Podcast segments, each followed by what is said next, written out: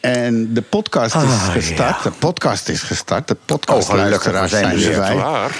Eh, Hmm. Voor die mensen, het is over zes minuten, gaat er iets gebeuren in uw leven. Namelijk de start van eh, dat ook de radio erbij komt. Heel Antwerpen, heel de provincie, heel de Ja. stad.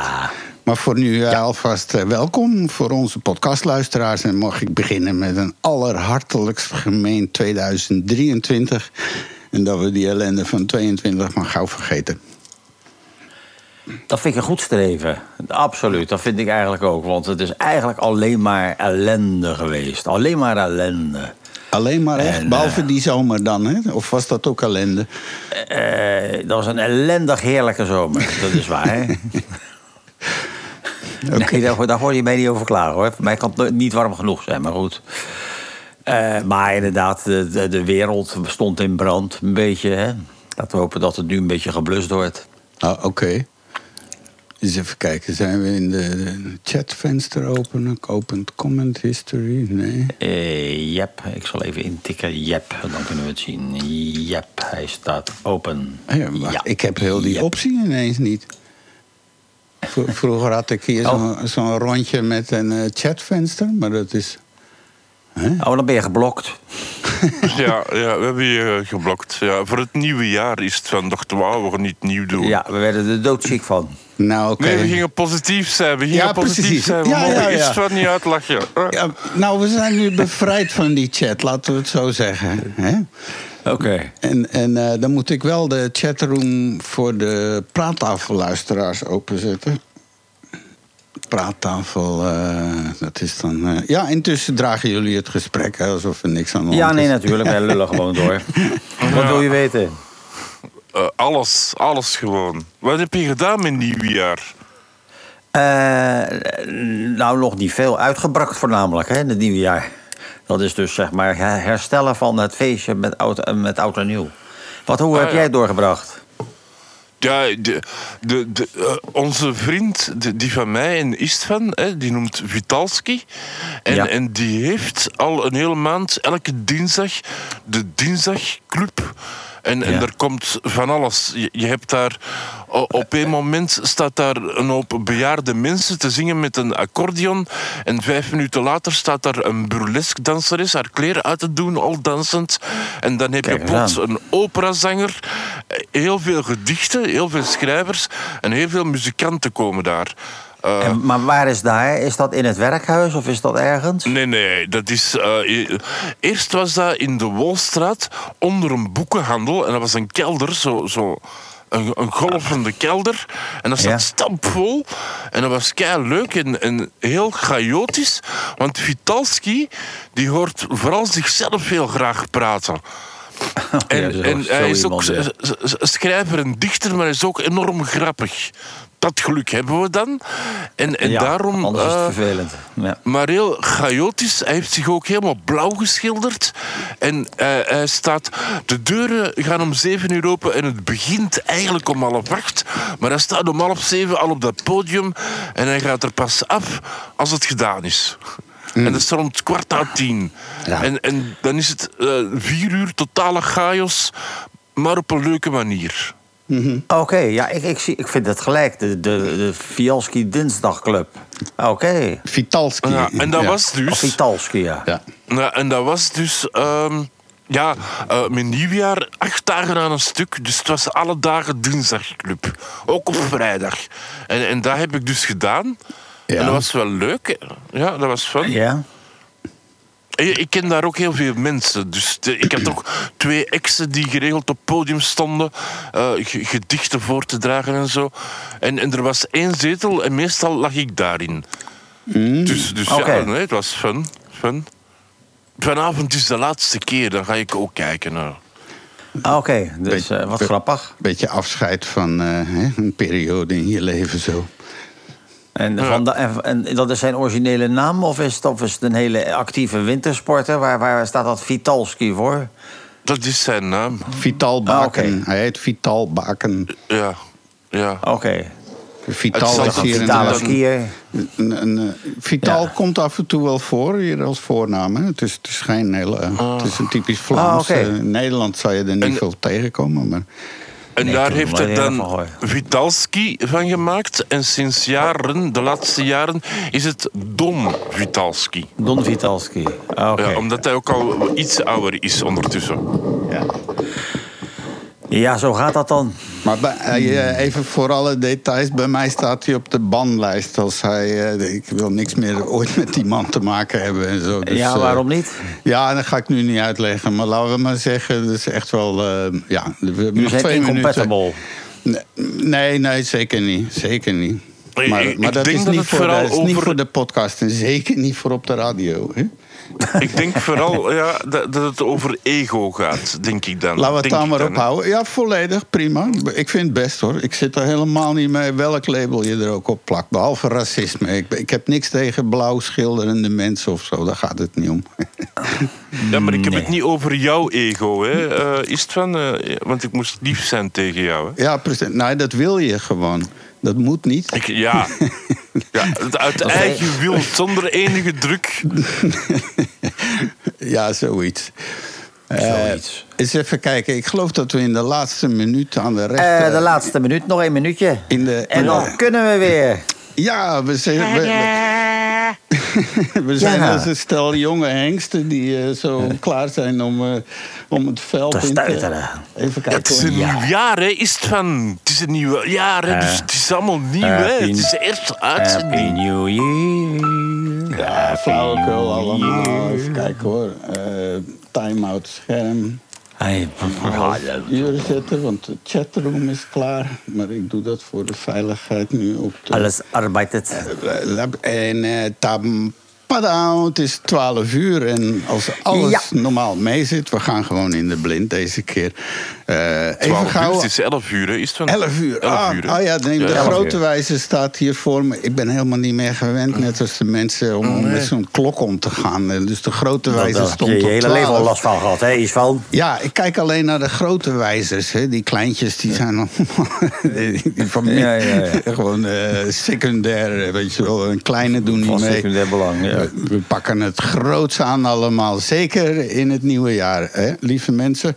Ik zou zeggen, hartstikke welkom. En. ehm, het is 3 januari 2023. Dit is Praattafel 112. En ook u bent te gast op Radio Centraal. En dit hele nieuwe jaar gaan we er weer iets van bakken. Welkom allemaal. Radio Centraal presenteert de Praattafel. Uw afspraak voor een goed gesprek. Is van Mario en uw favoriete Chris. Zeker weten, lieve mensen, welkom in eh, 2023 in het corona-scene. Eh, u bent te gast bij Radio Centraal aan de praattafel, zoals iedere dinsdag tussen 11 en 1 eh, pretenderen wij een goed gesprek te bezorgen. Dat is ons product hier aan de praattafel. U kan ook meedoen, ik laat zo weten hoe en wat. Maar in ieder geval van mij uit Oudbergen van Istvan Lelussi hier live aan tafel. Heel erg hartelijk welkom aan deze tafel en het nieuwe jaar. Ja, en vanuit Rotterdam wederom, Mario, dat ben ik. Eh, ik wens iedereen eh, een, beter dan het voor, een beter jaar dan het voorgaande. Want er is, dat was dan nog niet echt een fijn jaar, kunnen we wel stellen. De zomer was lekker, maar dat was nog een beetje de enige. Maar goed, dus we gaan er een, eh, leuke show van maken. En laten we hopen dat de hele wereld er wat- een klein stukje beter van wordt. En uw favoriete Chris is er vandaag ook weer bij. Ja, in de eerste uitzending van dit jaar. En het was spannend. Ik hoop dat iedereen goed heeft kunnen vieren. Ik heb dat alvast gedaan. Lekker gegeten, naar het vuurwerk gekeken, auto's in brand gestoken. Het was echt een feest. Helemaal, eh, de, de Antwerpse geest zit helemaal in jou. Dat is toch- Absoluut. Ja, dat is- De Heilige Geest. ja, mensen, u wilde Ja. een alternatief geluid op uw radio. Nou, hier is die hoor. In ieder geval hartstikke goed en tof dat de kop eraf is. En wat voor een kop. De eerste praattafel van dit jaar begint redelijk explosief. Ja, vannacht was er feest in Bergen weer en er was geen vuurwerk. Eh, Russische voorspellingen waar Elon Musk president wordt. Ja, ja, komt eraan. En het is niet hun eerste inschattingsvermogen trouwens van die eh, Russen. Hun eerste inschattingsfout. Eh, Jan Verrijen die heeft het altijd maar over kannibalen. Want die heeft het altijd wel over iets of zo. Eh, trouwens, hoe was uw kerstmaal eigenlijk? en verder wat onderwerpen zoals mosselen, fetussen, klaplopers, zwansers, schobbejakken en luilakken. Of slapende autobestuurders. Het lijkt allemaal een trend te worden. Wat denk je van een liegerige Amerikaanse aspirant-congreslid? Eh, er liegen er meer, maar er is er nu eentje die er helemaal gewoon een zootje van gemaakt heeft. Eh, dat was trouwens altijd al een trend hoor. nou, en in het rondje Kosmos ontsluieren we de geheimen van donkere materie en nog wat andere dingen. En als toetje een gedicht over de ware liefde. Je zou al voor minder luisteren naar podcast nummer 112 van de Praattafel. Welkom aan de praattafel. Uw wekelijkse afspraak voor een goed gesprek. En laten we dat gesprek nu beginnen. Oké, start. Oké. Ja. Nou, eh, geweldig onderwerp. 88. Wie, wie kwam. Ja, ik wil dat niet eens oplezen. ik wilde Ja, dat plezier er helemaal gunnen tegen, aan ja. degene die dit heeft opgevist. Oké, dat ben ik. 88-jarige man loopt met explosief in anus een ziekenhuis binnen. Ga er maar aan staan. Wie heeft titel. opa gezien? Waar is opa? Bang! Eh, ja. nee. Ik denk, Eh, ik denk eerder dat het is van... Tja, waar zijn mijn explosieven? Ik had het hier toch licht? Nee, opa, opa, waar ben je? Is het weer zover? Zoiets, denk ik. Oké. Get that thing out your ass. Nee, ja, dat is ja, dat is lastig. een je zal maar zo'n opa hebben die van alles en nog wat in zijn anus duwt. Dat is, Ja. dat is geen Ja, dat is toch wel een heel bijzonder eh, gebeuren dan eigenlijk. Ik moest maar het was dus inderdaad een... eh, het ziekenhuis werd ontruimd. Er Ja. ging een bommelding uit. Want, ze, want eh, ze- dus hij, kwam met een, hij liep een beetje moeilijk. Hij ging naar het ziekenhuis. En ja, toen zagen ze eigenlijk al bij het begin dat het gewoon... dat er een granaat in zijn in zijn- in zijn Een artilleriegranaat. Granaat? Een artilleriegranaat, jawel. Ja. ja. En, en waar was dat te doen? Eh, nou, dat, eh, eh, dat In is, Frankrijk. ze noemen dat... eh, eh, ja. in de anus, maar nee, in Frankrijk dus. Ah, niet Oh, in ja. Rotterdam. Nee, Ja, nee, nee. Het was in een Frans ziekenhuis. Er liep een onlangs een hoogbejaarde man naar binnen met een artilleriegranaat in zijn anus. Ja, oké.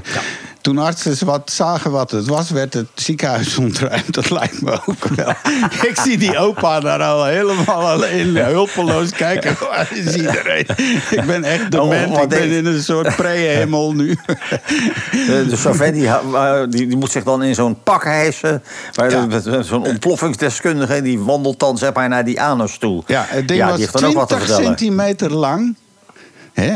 Eh, Ja. ja, we weten niet wat voor verleden. Misschien was die opa wel de only gay in town. Dus dat die reet gewoon helemaal uitgelubberd was... totdat dat ding er makkelijk in ging of zo. dat is toch niet normaal? Eh, Nee.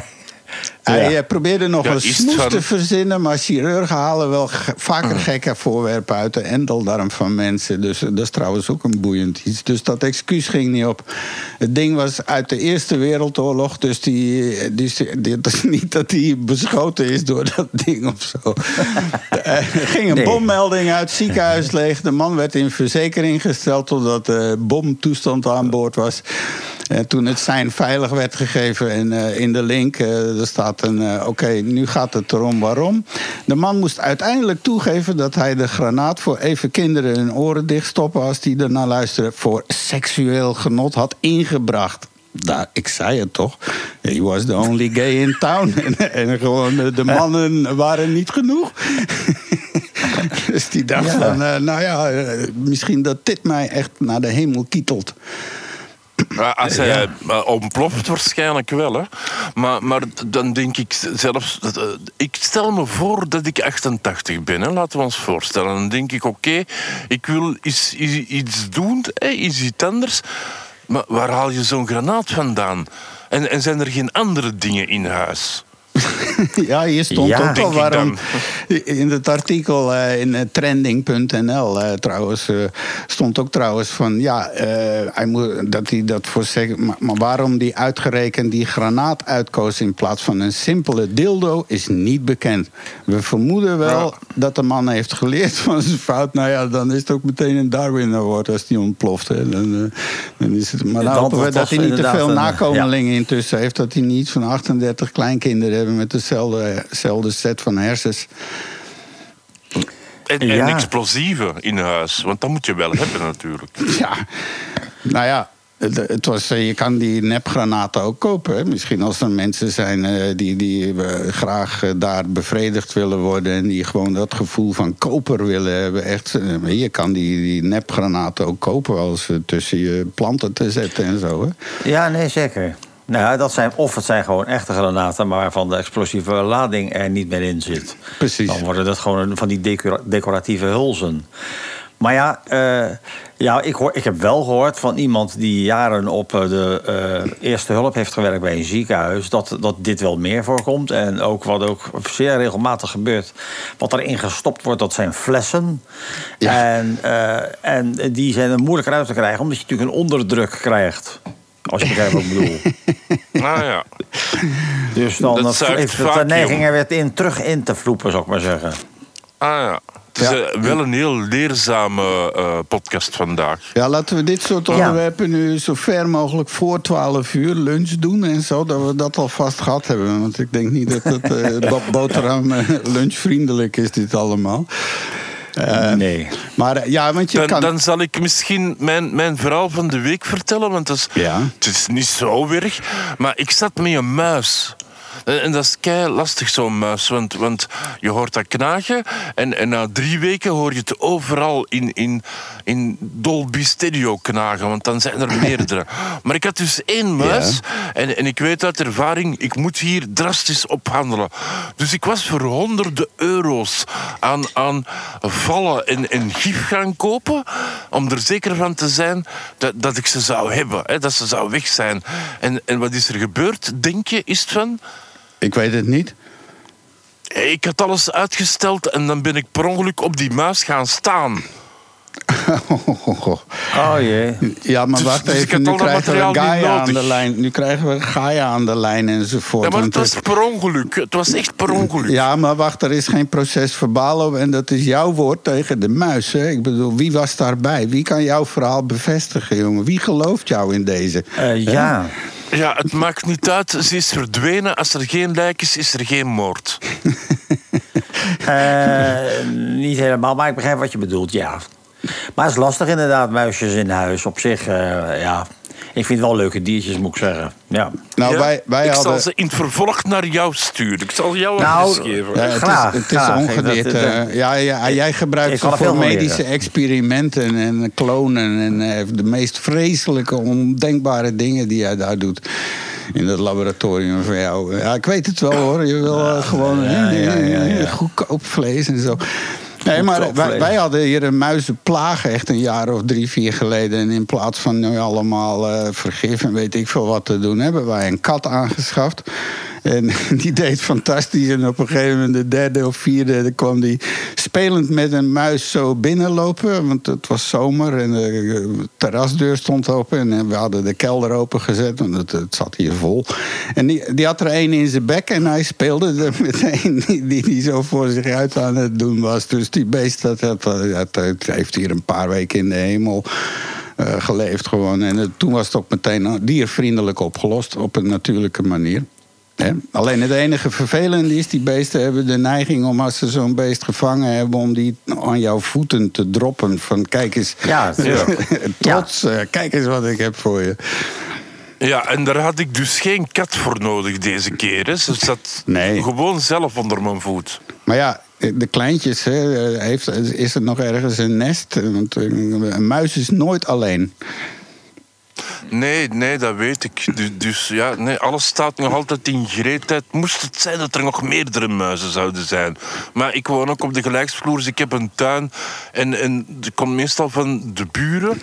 Dus zo'n een, een Joodse horeca-dingen die voor de vliegtuigen de, de maaltijden maakt. En, en meestal is, is daar de plaag. Ja, ja. Maar ja, zwart. Ja. Het makkelijkste om van je muis af te komen is, is gewoon zorgen dat er consequent geen eten te vinden is. ja. Dat is het. Ja. Dan gaan ze ergens anders heen. Maar hier in de Maar stad... de, eh, een muis eet alles, hè.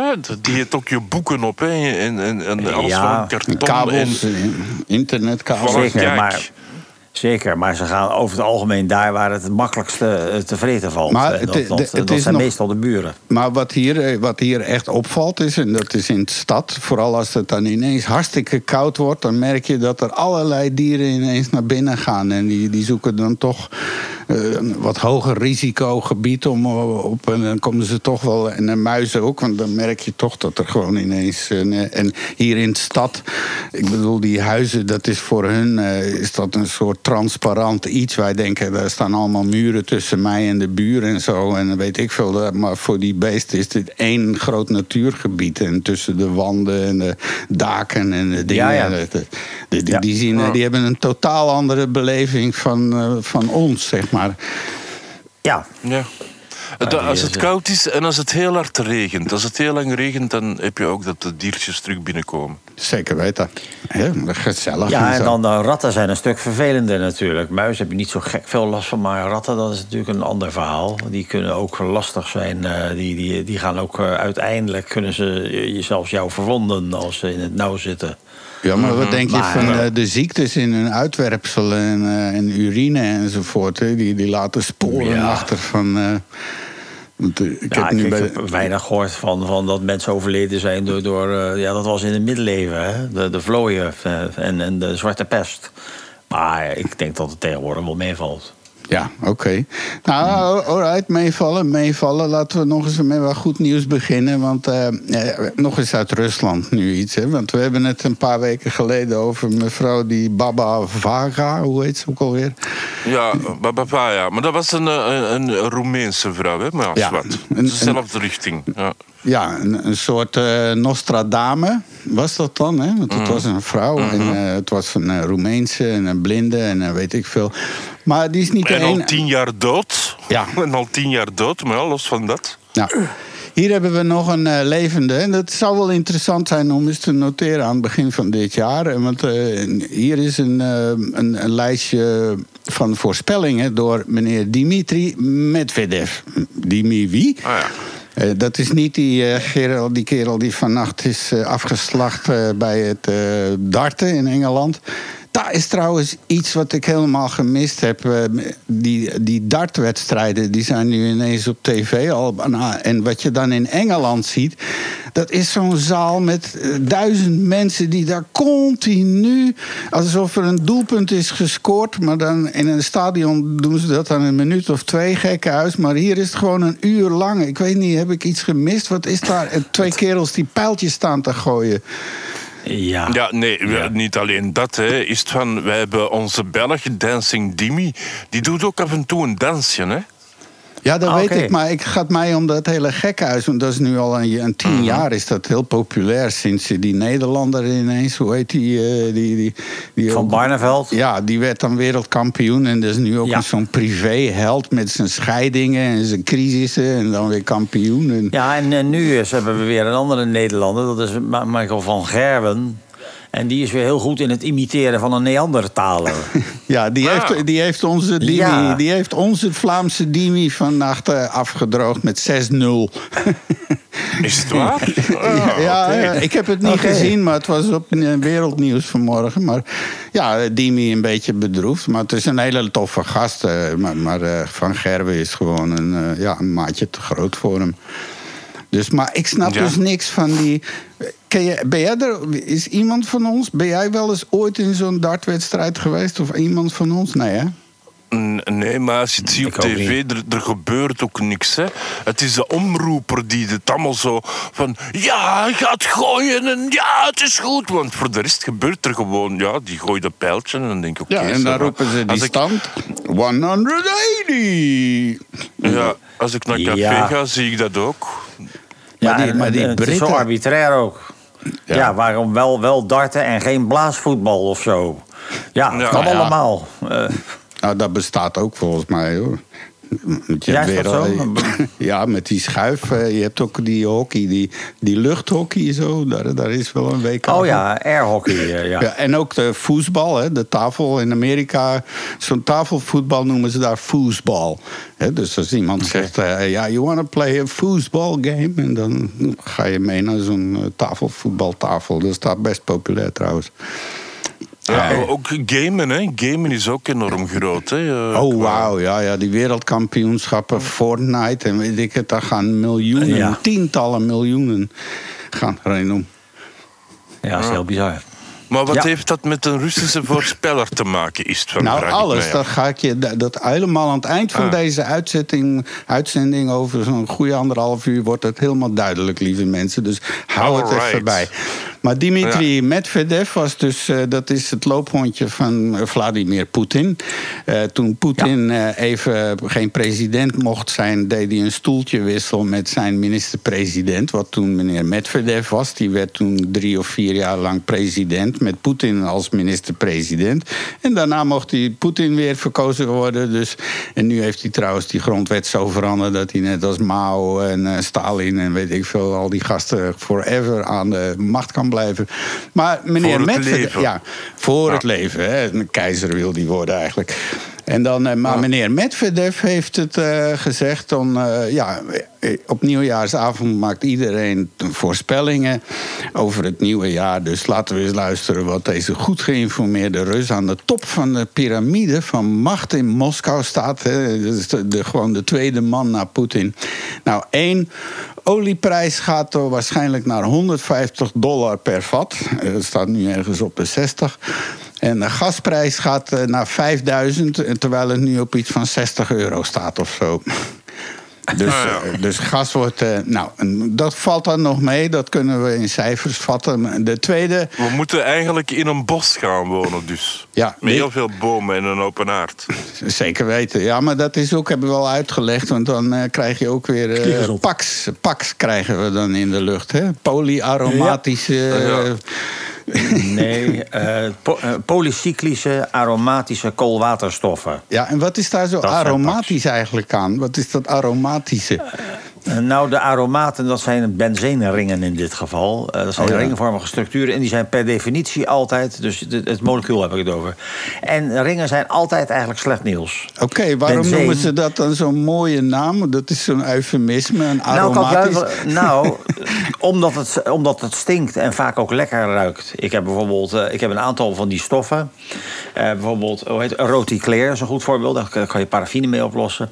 Dat ruikt echt heerlijk naar Begrijp je? En bijvoorbeeld eh amyl, eh, eh, amylacetaat, dat, ruikt naar, dat gebruiken ze om die, die, gele banaankleur, die gele banaansmaakjes te geven Ja, ja.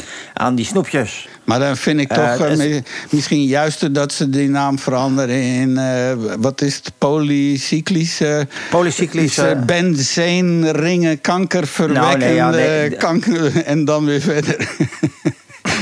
Ja, eh, nou ja, vroeger, was, eh, vroeger kon je overal benzeen kopen, maar, eh, dat, maar dat is nu ten strengste verboden, omdat het dus inderdaad carcinogeen blijkt te zijn. Ja, kanker. Je krijgt Ja. er kanker van.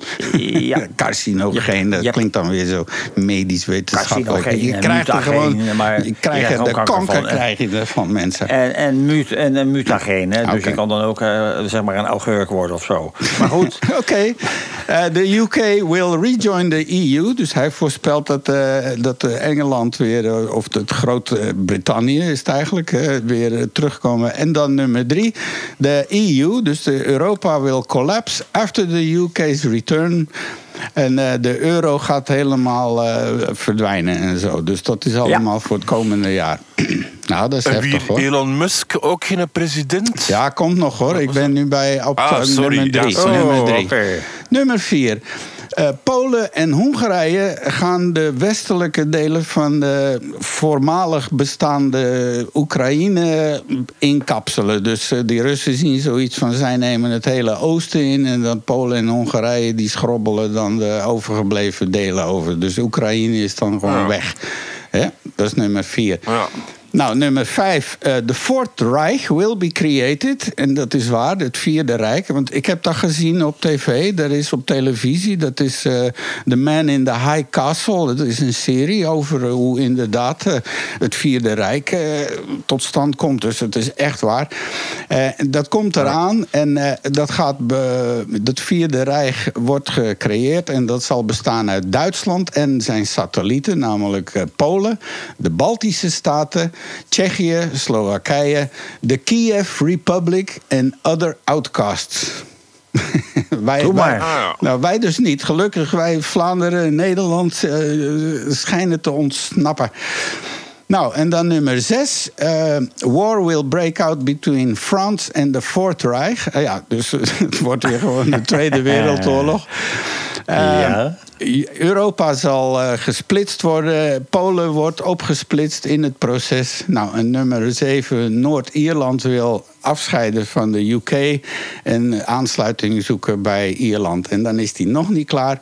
Want dan gaan we de plas over. Nummer 8, er zal een, eh, een burgeroorlog uitbreken in de US. Californië en Texas worden on- onafhankelijke staten. Texas en Mexico worden samen een nieuwe staat. Elon Musk wil win the presidential election. Wat dus gewoon niet kan, want Elon is niet in Amerika geboren. Dus dat zou toch wel een hele verandering moeten zijn. Want je moet wel in Amerika geboren zijn. Dus dat Dan kan nou aan een niet. staatsgreep doen. Hè? Staatsgreep, dan zou dat misschien... Ja, onder Elon Musk, ja, precies. Nou, Ja. dat is, klinkt echt als eh, van een betere science fiction, eh, dystopische romans en zo. En dat allemaal in 2023. We gaan een druk jaar tegemoet gaan. En dan dus Elon Musk wordt dan president en, eh, en een number of states. Dus nadat Amerika is uit elkaar gevallen, en dan wordt hij een stuk van dingen. Nou, en dan nummer 9 tot slot. Eh, alle grote eh, financiële markten en eh, aandelenmarkten en alle, die gaan allemaal weg uit eh, Amerika en Europa en die gaan allemaal naar Azië. Nou, kijk eens aan. Hè? Jongen, jongen, jongen, jongen. Wat een lijst. Ik zie trouwens ook nog een nummer 10 staan, hè? Oh, oh, oh, oh, oh. Oh, nee, ja. Ah, ik zie het. Ja, wauw, er komt geen eind aan. Ja. Nee, gaat gewoon door. Ja, de Bretton Woods System of Monetary Management will collapse. Dus, eh, dus dat is een soort eh, regeling waarmee dan de IMF, dus het Internationaal Monetair Fonds en de Wereldbank eh, bestaan. En dat gaat allemaal crashen. Euro en dollar will stop circulating. En digital currencies. Dus hij denkt dat het allemaal helemaal. eh, Alles wordt crypto. alles wordt crypto. En dan tot slot zegt hij nou... eh, vrolijke feestdagen tot iedereen. Anglo-Saxische vrienden. En jullie happily oinking piglets. jullie vrolijk, vrolijk knorrende birretjes. Ja, ja. De guy from the Looney Bin, hè? Ja, ja, Wat, ja. wat, wat.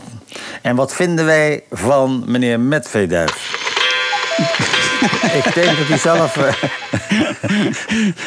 Nou nou ja, Maar ja, gelukkig... Ja, je moet maar pech hebben hè, en dat het echt allemaal waar is. Ja. Dat we hier eh, met een Reich zitten en zo. Stel je voor. Nou, we zullen deze voorspellingen nu markeren. En dan maken we er aan het eind van het jaar, eh Deo Volent, als we dat allemaal halen natuurlijk. eh, dan Ja. maken we de rekening op. En, en als die dan niet kloppen of zo, dan eh, gaat hij met pek en veren. Maar ik denk dat we Zo met goed het. gevoel nu al met pek en veren de deur uit kunnen sturen hoor. Enzovoort. Ja, maar Dat toch voor alle zekerheid is het van... Zie, zie dat je deze uitzending kunt deleten. Moest het fout lopen. Hè? Dat, dat ze ons niet kunnen pakken. Hoor. Ja, ja, ja. ja, maar als het eenmaal op het web staat, verdwijnt het niet. Hè? Iets, iets, eh, dat is ook Ja. zoiets van mensen willen graag dat ze gedelete eh, willen worden. En weet je, maar dat kan niet. Iets wat er eenmaal op staat. Ook met al die sexting en dingen wat die jeugd allemaal doet. En die denken van, maar dat verdwijnt niet. Dat komt allemaal ergens boven water op de meest afschuwelijke plekken. Nee, Ja, dan ben ik blij dat ik een valse naam gebruik in dit programma. nee. eh, Oké. Ja, en dan toevallig viel mijn oog op een artikeltje. En dat was dan wel Jan Verheijen. Dat is dus een eh, Vlaamse regisseur. Maar die daarnaast ook graag eh, zijn mond open doet. En soms, eh, ja, soms iets te. Maar ja, deze keer had hij weer een opmerking. En hij, hij, bracht aan het licht dat er inderdaad nu met die. Ik weet niet, wie heeft dan die serie nu gezien van Damer op Netflix al? Ik weet niet. Nee. Ik heb wel een docu gezien op, eh, over Damer, maar niet de, de, de Netflix-versie, zal ik maar zeggen. Nee, ja, dat is dus Maar dat nummer was wel één een overal. Overal. En ook eh, die de Dead, eh, hoe heet die, eh, die andere serie, de, de Dead World, of met die zombies allemaal. Dat was ook zo populair. Eh, Eh, ja, je hebt ook inderdaad zo'n zo'n seriemoordenaar. The Walking Dead, Netflix, Walking eh. Dead of zo. eh, Ah, The Walking Dead. Ja. Oh ja. Dat is ook zo Ja. Ja, de populair. eerste vier, Ja. Vier seizoenen vond ik goed. Ik heb die ontdekt eh, toen dat ik op een winter in mijn zetel zat. En het leuke aan The Walking Dead is die, die cliffhangers op het einde. Zo.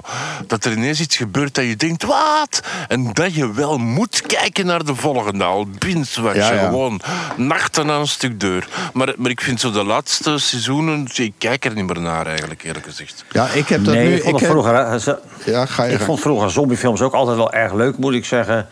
Maar ja, ik woon nu al inmiddels alweer twintig jaar aan de Rotterdamse markt. Ja, je moet bent het gewoon. eh, Het heeft geen geheimen meer voor mij. Nee, eh, Langs de andere kant Jan Verrijen. Ik heb voor Jan Verrijen eens gewerkt. Hij, hij maakte toen Zot van A. En, en dat was een kopie van de Nederlandse film. Bla bla bla. Oh, ik heb die gezien. Wat een draak. Ja, voilà, kijk. Ik heb de making-of gemaakt.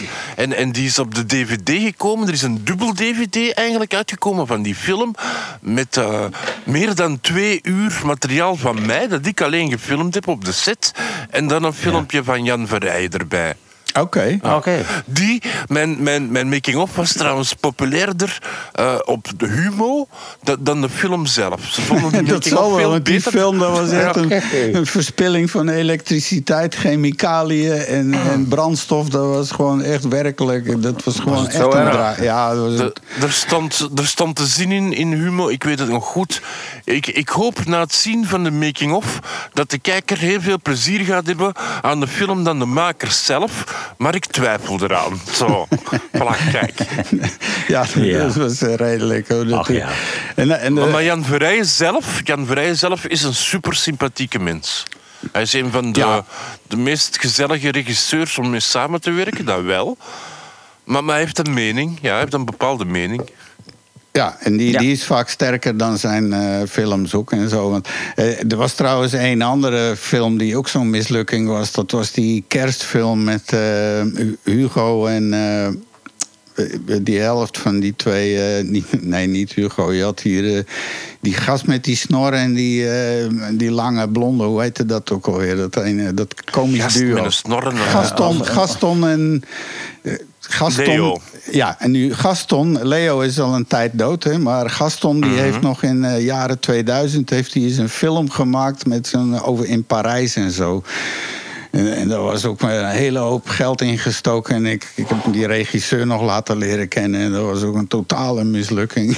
Heel die film, allerlei ook technische ellende en weet ik het allemaal. Dus eh, ja, het gebeurt wel eens meer. Het valt ook niet mee, moet je zeggen, om een speelfilm te maken. Het blijft nog echt een hele opgave. Ja. Maar ja, Ja, maar een mislukking, de zot van A. Het was een hele dure film, want de stad Antwerpen had er mee in geïnvesteerd en zo. Ja, Omdat ja. hij in Antwerpen afspeelde. dat hebben ze daarna maar nooit meer wel- gedaan. Nooit meer gedaan. Maar die heeft wel, allee ja, die heeft wel, eh, die is in, over zijn zeropunt geraakt. Die, die, die heeft wel verkocht, hè. Ik bedoel, dat was niet, niet. Jij vindt hem niet goed, maar, maar die, die heeft wel lang gespeeld in de cinema en zo. Het was een, een komrom, een, een romantische komrom. eh, en die was gebaseerd op, eh, op de Engelse film Love. Love Goh, ik Ja. heb hem gezien van de week. Maar ik heb hem ook Eh. en het, het geluid en het verhaal en de coupage en zo. Het was allemaal heel. Ik denk dat ze dat veel te snel hebben. Maar goed, dat, dat- het is nou niet over die film te doen. Want het ging er eigenlijk om wat is onze fascinatie met zombies en kannibalen en de meest Ah afschuwelijke. ja, ja. En dan, en dan, Seriemoordenaars eigenlijk, ja. Ja. En wat zegt hij er dan over, Jan, dat zo speciaal is? Nou, niks. Hij stelt, hij, het viel hem alleen maar op dat het zo is. Eh, maar, maar ik weet niet dat hij er zelf eh, veel... Nee, nee, nee. nee. Maar seriemoordenaars hebben altijd de interesse get- getrokken natuurlijk. Want dat staat zo ver van een normaal mens af. Eh, mensen raken daardoor gebiologeerd. Kijk maar inderdaad naar het succes van Damer. Dat is een doodgriezelig mannetje was dat. Maar je hebt natuurlijk ook die, die Russische seriemoordenaar gehad. Die trein, eh, die deed dat... eh, die, die vermoorde mensen eh, en eh, treinde vooral van A naar B. En in Rusland werd dat gewoon... eh, daar komen natuurlijk geen seriemoordenaars voor. Dus die man heeft 20 jaar zijn gang kunnen gaan. En, je hebt, en zo heb je er een, een hele verzameling. Hè? Ted Bundy en... eh, ja, is er de- onlangs ook niet een vrijgelaten, ergens in China? Ja, ja, die Indonesische man was dat volgens Nee, mij. de, The Serpent, Ja. daar ben ik ook aan het kijken. Op Netflix staat er een serie over Oh, hem, ja. The Serpent. En eh, die heeft die wat ja. backpackers in eh, Nepal eh, over de berg heen geholpen. Over de grote berg naar het Witte Licht geholpen. En eh, die, die heeft nu zijn straf daar uitgezeten. Want levenslang was daar ook iets van 20 jaar. En dan, het was nu 18 Mhm. en hij is ziek. Maar hij is nu in Frankrijk en hij is daar meteen uit het vliegtuig ook weer opgepakt. Dus het is nou niet dat hij eh, vrolijk door de kerstmarkt heen hobbelt of zo. Ah ja. Ja, je vraagt je dan af, wat, wat eet zo'n man dan met kerst? Hè? Dat is doodgriezelig. ja, ja. Ja, Ja. eh, ja, nee, ik wil daar niet naartoe. Maar in ieder geval... eh, maar ja, cannibalisme, hè? Dat, dat is het gevaar, ja, inderdaad. Nou, dat deed voor- Damer ja. en ook die vent, inderdaad. Ja, en om eh, Jan te quoten... de aantrekkingskracht van Damer zit hem niet in het cannibalisme... wel in de interesse voor seriemoordenaars. Echte personen en feiten die we zagen passeren in het nieuws. Dus ja, daar is, eh, Ja. dat vind ik ook. Want ik weet niet, heb je nou gekeken naar die Don't Pick Up the Phone? Nog niet. Oké. Nog niet. Dat is ook een eh, te bizarre serie eh, eh, op eh, Netflix. Dat is ook, ook over waar gebeurde zaken. En ja, dat, is, dat zijn dan ook weer dingen. Dat, dat is dan gebeurd in Amerika. Ik wil er niks over vertellen. Maar als je Netflix hebt en als je dit soort bizariteiten interessant vindt, dan zou ik die zeker. Don't pick up the phone. En Ja. je mond zakt heel langzaam en je blijft eigenlijk zo ongelooflijk kijken. Het is niet zo heel lang gelukkig. Maar eh, uiterst boeiend om, eh, om eh, aan te raden. En, en ja, en, met die lijkeneterij, dat is trouwens helemaal niet zo'n gezonde zaak. Hè? Want bijvoorbeeld de cannibalenstammen in eh, Nieuw-Guinea... Die, die, die stonden erom bekend om zogenaamd kuru te krijgen. Dat is, dat is een, Ja, hersenziekte. Ja, dat is heel naar. en, en want hoe zit dat daarmee nou? Waarom krijg je dat van als je cannibalisme bedrijft of zo? Of? Nou, de, de, eh, Kourou is, is een. eh, eh, als je kijkt naar Kourou, dat is eigenlijk een, een prionenziekte, zoals dat de Kreutzfeldt-Jacob ook is. Ik weet je nog die gekke koeienziekte? Nou, gekke koeienziekte, dat is, dat, is natuurlijk ook een ziekte waarbij zeg maar de hersenen, er vallen gewoon gaten in de hersenen door prionen. En die zijn nog kleiner dan. Dat zijn gewoon losse, ziekmakende stukken eiwit. Dat, zijn, dat is nog kleiner dan virussen eigenlijk. Wauw. En ja, eh, en ja de, de menselijke vorm is natuurlijk uh, Kreutzfeldt-Jacob. Dat, Dus het is dus ook nog eens een, de eh, gekke koeienziekte. een zoonose. Het, het kan dus inderdaad van dier, eh, van dier naar mens gaan. Eh, en dat is dat koeroe eigenlijk ook. Dat is ook zo'n prionenziekte. En, die, eh, en, eh, dus, en omdat men daar de gewoonte had om een overwonnen stam... om daar de hersenen van te eten... hebben ze zichzelf zeg maar besmet... En er zijn er dus daar ook mensen aan overleden. Dat is niet echt slim, maar goed. Eh, Dat zal ze leren, zou ik maar zeggen. Ja. Ja, oh, ja, ja. Dus, Dus eigenlijk, als je, als je een, een, een soort handboek voor kannibalen wilt maken, dan, Ja. dan mag je erin zitten: één, eet niet de hersenen. Nee. Dat zijn, eh, ja, want dat zijn dan overdraagbare spongiforme encefalopathieën. Of met moet een je ze extra lang koken of zo? Eh, dat weet ik eigenlijk niet. Dat, ik, ik denk dat dat niet zal uitmaken, omdat het dus niet, je maakt niet iets. Het is, het is gewoon een, een, een prion. Dat is een, ik weet niet, dat is gewoon een ziekmakend stukje eiwit. Terwijl met, eh, eh, normaal met koken, ja, als je praat over, over virussen en bacteriën, die gaan kapot daarin. En die gaan, maar ja, ik, ik weet het niet eigenlijk. Ja. En het griezelige is ook van, eh, van bijvoorbeeld Koro... de incubatietijd kan tussen de 10 en de 50 jaar zijn. Hè? Je denkt, je bent er vanaf en ineens krijg je het weer. Ja, dus als je pas op je zestigste begint met cannibaliseren... dan heb je een redelijk goede kans dat je er verder gewoon aan iets anders om gaat komen of zo. Dat je er gewoon mee wegkomt als het ware. Ja, maar die weet je helemaal gestort. En eh, ga je inderdaad weer de hersenen van het bejaardentehuispubliek... eh we weten het niet. Ik denk, als je erover weegt om kannibal te worden... dat je al zelf redelijk gestoord bent al, dacht ik. Nou, niet helemaal. Ik, weet, ik kan me nog herinneren dat er een, een, een vliegtuigongeluk is geweest... hoog in de bergen Ja. met een In ijshockeyteam. de Andes. Ja. Ja, en eh, ja, wat, wat doe je dan in zo'n situatie? Als je op het moment staat eh, van de, ik ga de pijp uit, maar eh, ik kan ook eh, voor de optie gaan... ik eet een stukje lever van een ander die al overleden is. Ja, over de, de- in de bovenbenen, dat is gewoon biefstuk, hè? Die spieren, dat is gewoon eigenlijk eh, de grote spieren. Dat is eigenlijk Ja, allemaal maar biefstuk. ongekookt is dat moeilijk weg. Nee, nee, dat begrijp ik. dan- Maar ze ze zullen dat ook wel gekookt hebben daarboven of zoiets, toch? ja, of was sorbet, want het was er koud, hè? Mhm. Ja, soort- en soort gedroogde beetje. en jerky, beef jerky. Als je het gewoon helemaal Jerky uitdroogt, dan kan je het gewoon uh, kou, eh, die k- kouvlees zo. Eh, ja, maar, dan moet je, het- ja, het is, maar het zal niet makkelijk zijn, want het, alles bevriest daar. Dus dan moet je het echt op de een of andere manier zien te verwarmen. Dat, ja. Ja. Ja, Maar goed, ik denk dat is dan, sowieso, als je met een ploeg bent die je goed kent... en je moet er een uitkiezen, van wie is de volgende... dat dat sowieso wel niet gemakkelijk is. Nee, ja. Want, Nee, ik doe me denken aan de, de, de trojka, trojka hier, trojka daar van eh Dr. Anders P. Die moet ook inderdaad kiezen eh, welke van zijn kinderen werd gevoerd aan de wolven, zal ik maar zeggen. Ja, dat zijn moeilijke beslissingen. altijd maar afwegingen maken, afwegingen maken. en zo. Afwegingen. Ja, ik zie mezelf dan in zo'n ploeg zitten... en dan, dan zie ik die allemaal kijken naar mij van... ja, de Chris, er is toch wel wat vlees aan eigenlijk. Ja, dan, dan kom je heel eind met een eh, ijshockeyteam. Dat is Ja. zonder meer waar. Ja, zo, de- als we Chris nemen, dan hebben we er maar één nodig... anders moeten we er twee nemen. Zo, hè? Dus... Ja, maar zo Ja. kijkt de natuur ook naar jou. Je bent een eh, vat energie. Hè? Dat is eh, hoe meer. en Dat, eh, je bent gewoon puur voedsel, eh, energieobject in de ogen van de natuur. Dus ja, eh, simpel zat. Zo is het. en, en trouwens ook wat ik... eh, ik zag dat van de week weer op tv. Dat ging even over eh, mensen en eh, honden. En je ziet dan die mensen die zo zich in hun gezicht laten likken door een hond. Nu, nu heb ik... Oh een- van de zomer was hier iets op tv en dan kan je opzoeken. We zetten een link. hebben ze dus, wat hebben ze gedaan? Zo tien echt van die hondenliefhebbers die dat ook lieten doen allemaal. En die hebben ze naar een soort laboratorium gebracht. En eh, ze hebben dan hun dikke vriend eh, in een petrischaal laten likken. Hè? Gewoon zoals ze binnenkwamen. Nou, en vervolgens iedereen naar huis en dan maar afwachten.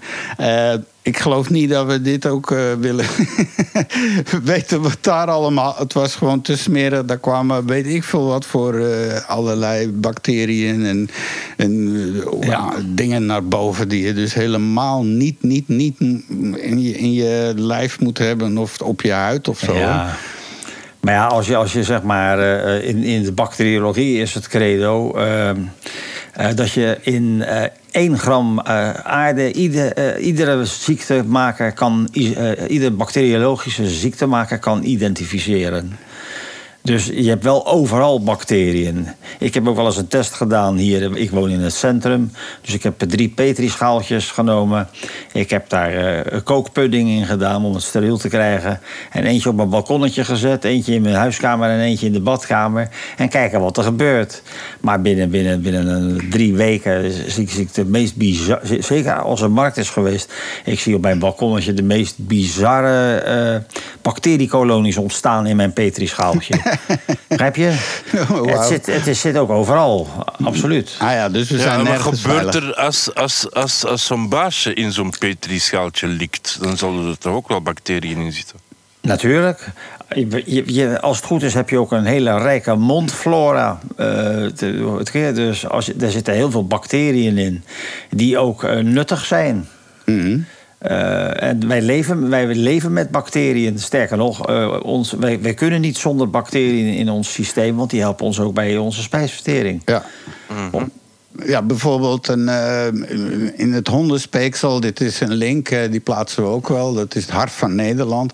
Uh, in het hondenspeksel zit bijvoorbeeld de bacterie Capnocytophage Vaga canimorsus.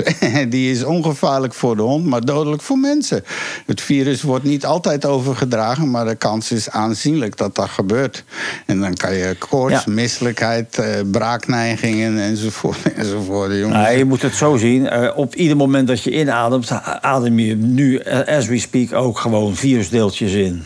Oh my god. Uh, eigenlijk van, van iedere virus die er maar is. Uh, alleen, uh, het, het gaat om de drempelwaarde. Hoeveel virusdeeltjes adem je in die genoeg zijn met, met elkaar om, om de, de boel te triggeren? Ja, ja dus los, nou, die, een los virusje hier en een wandering virusje. Daar ga je niet zoveel last van hebben, nee. Nee, nee. ah, gelukkig. Nou, nou voel ik me al heel wat beter. Nee. Dus, uh, ja. nou, en, en, als we ons beter voelen, moeten we dan meteen maar een uh, soort uh, het leergedeelte overgaan van deze show hoor.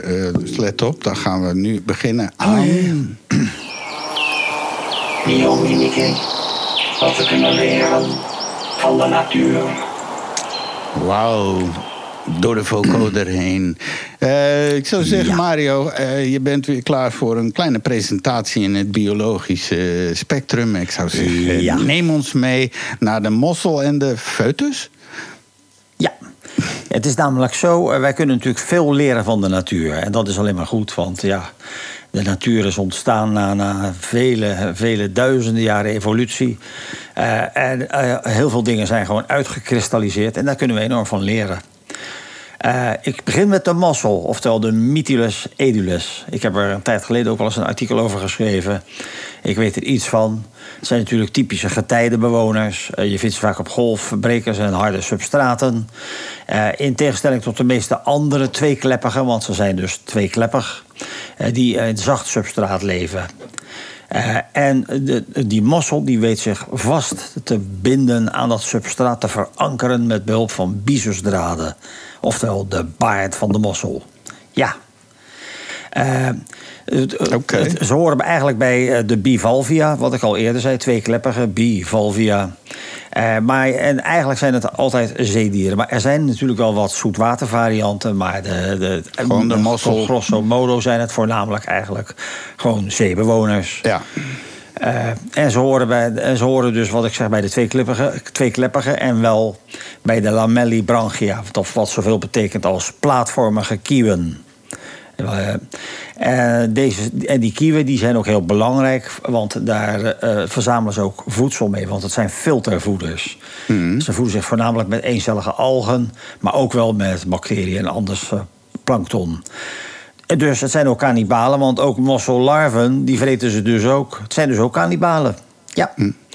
Oh, okay. En het zijn hele goede bio-indicators, omdat ze dus dankzij dat filteren tot 20 liter water per dag kan je ze gebruiken als bio-indicator om de kwaliteit van zeewater te meten. Hmm. Eigenlijk een beetje zoals we nu kijken van hoe is het, we kijken naar het virus, corona, en naar het rioolwater en dan kunnen we zien uh, hoe het met de besmetting staat. Ja. Nou, dat kan, zo kan je dus die mosselen eigenlijk ook gebruiken ja.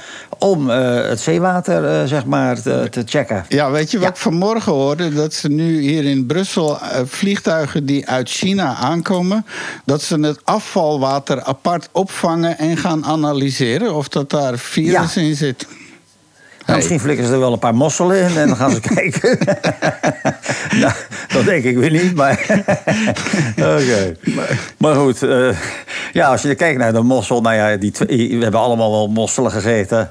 Uh, en met name, de, de, die, die, ze hebben twee hele sterke adductorspieren, dat zijn sluitspieren. Uh, en die, die, dat, dat, is, dat is voor de technici onder ons, dat is dwars, dwarsgestreept, zowel als glad spierweefsel, waardoor ze snel kunnen worden gesloten. Dat is het gestreept maar ook heel lang vast uh, dicht kunnen blijven dankzij dat gladde spierweefsel. Mm -hmm. De vijand van zo'n mossel is de zeester. Dat is heel slim, want die kruipt op de mossel. Die trekt met zijn arm aan die twee kleppen. En dankzij die vele zuignappen levert dat een trekkracht... zonder dat de zeester een inspanning hoeft te leveren. Maar de mossel, ja, die moet wel, die, die moet wel eh, zijn spieren gebruiken... om die kleppen gesloten te houden. Ja, ja. Dus uiteindelijk na een paar uur wordt die mossel moe... en gaan die helften een klein stukje open. Nou, bang, dan spuit die zeester gelijk zijn maagzuur naar binnen... en die kleppen die sluiten zich daardoor weer heel snel... Het zuur doet zijn werk. Op een gegeven moment gaat die mossel dood. De twee helften gaan open. En happa, die, eh, die zeester kan gaan eten.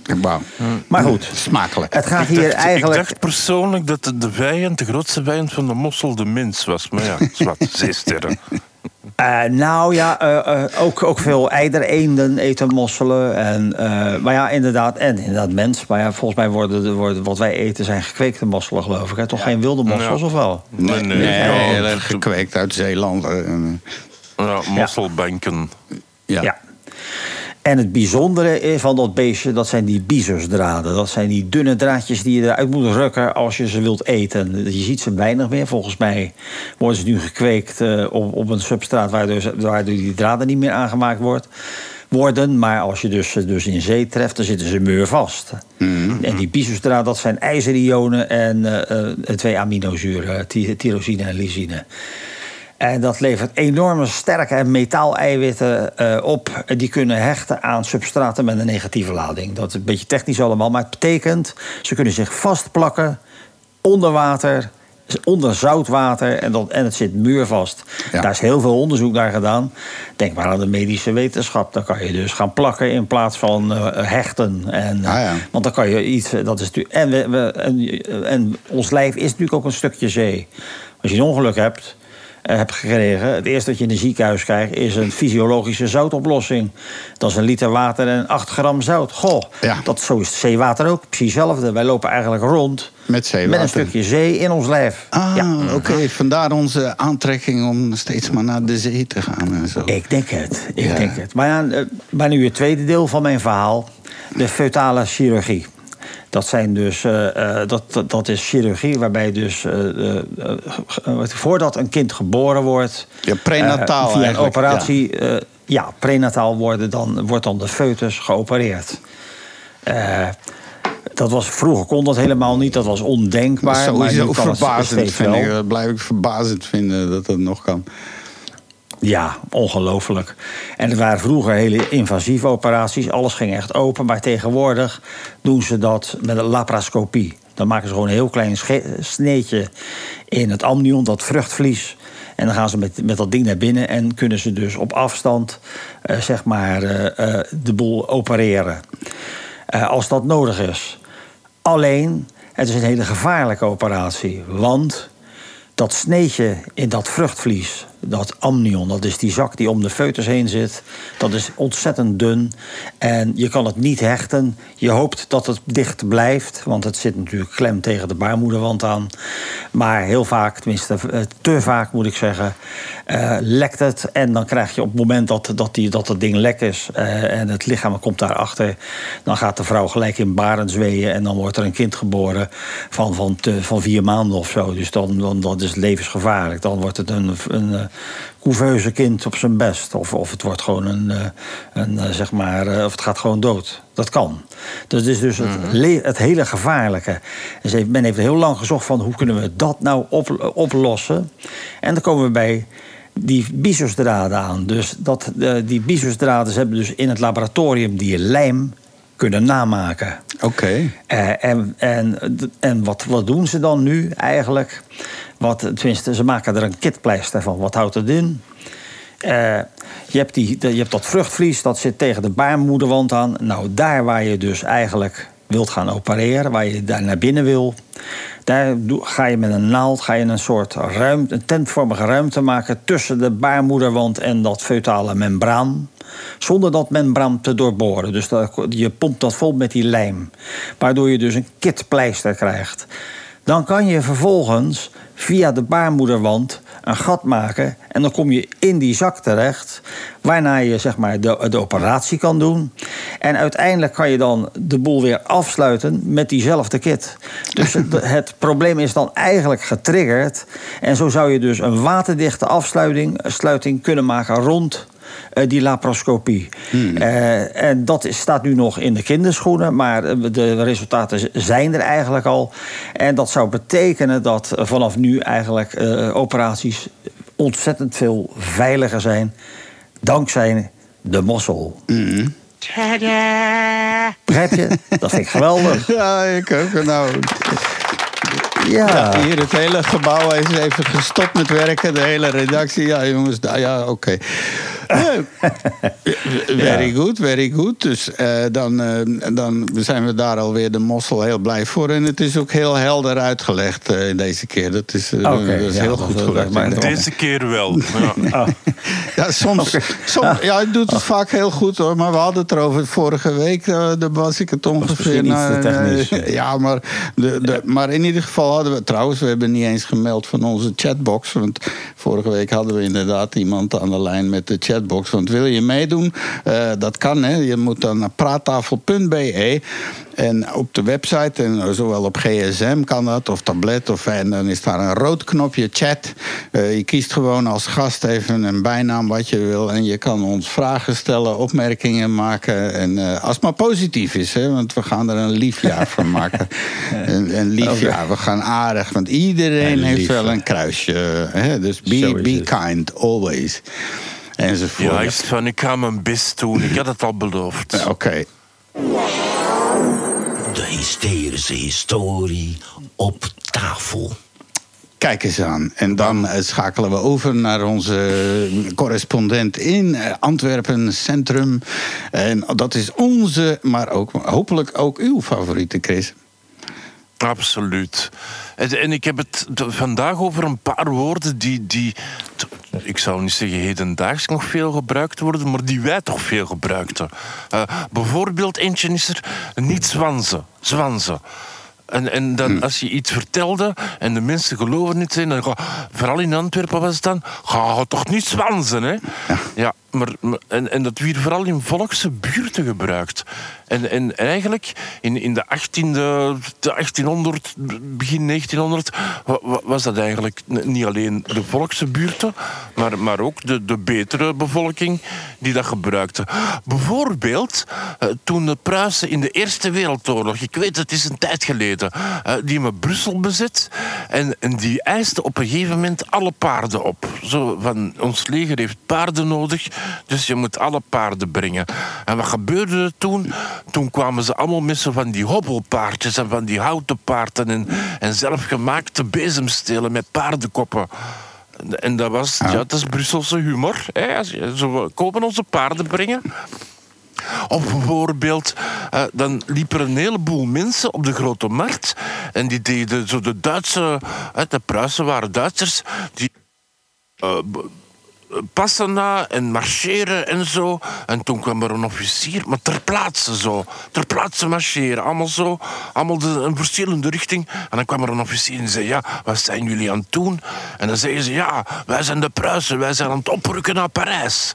Maar, maar die bleven ter plaatse gaan. Zo, dat was toen de humor. Dat was de Eerste Wereldoorlog. Hè. Maar van waar komt dat woord zwanzen nu, denk je? Hè? Want het Ah, is en- zelfs in het Frans gebruikt. Ja? Nou, als ik mag gokken, ik bedoel, in Nederland Ja, zeggen ze als je plat eh, lult, hè, dat is lullen. En maar in Duitsland is de, de schwanz is jouw, eh, jouw plasser, hè? Dus eh, even schwanz. Inderdaad. Nou, dat zijn eigenlijk swaffelaars. Ja, zoiets. Nu, Zwans is in de middeleeuwen was een dans. Eh, ehm, ja, er was een dans, hè, dus in het woordenboek staat en Er was een zijwaartse dans in de middeleeuwen, waar dat vrouwen met een sleep, met een, met een jurk. eh, en, en die sleep was zwans, noemde dat toen, een staartje eigenlijk van een dier. En, en daar dansten ze mee, dus dat, dat was dat één verhaal. En het andere is natuurlijk het Duitse, maar ook het Nederlandse, hè, de Swansch. Eh, Dus, dus dat, dat, vandaar komt het ook een beetje. En ehm, in een Joods-Nederlands woordenboek, vraag me niet waar dat ik dat gehaald heb, wordt zwans omschreven als dus een staart, of een piek, of een rare vent, of een clown, of een prutser. Oké. Dus, ja, dus het komt een beetje uit het Joods ook. Nu, mijn volgende woord is klaploper. Daar heb je zeker al van gehoord. Misschien ben je al een paar keer zo genoemd, maar ik moet het niet alleen over mezelf hebben vandaag. En, en weet je van waar dat klaploper komt? Trouwens, al mijn eh, eh, woorden die ik vandaag eh, uitleg komen vooral uit het, de middeleeuwen.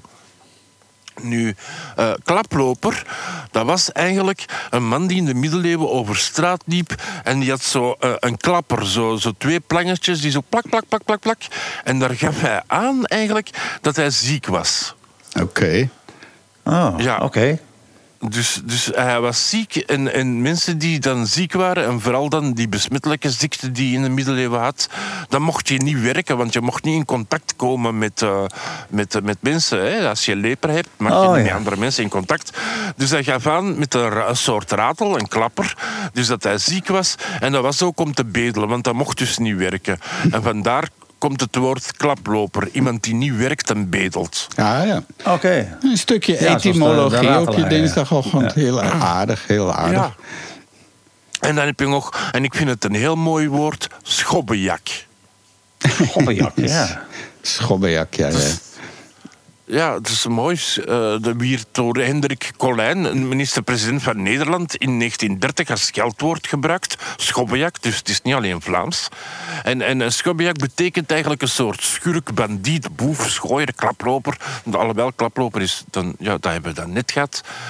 En, en de, ik ben aan het zoeken van waar dat komt. Ja, 17e eeuw. Oké. En eh, is het eh, voor de eerste keer gebruikt. En, en oorspronkelijk verwees Schobbejak, eh, de, de spelling schobbe, zak.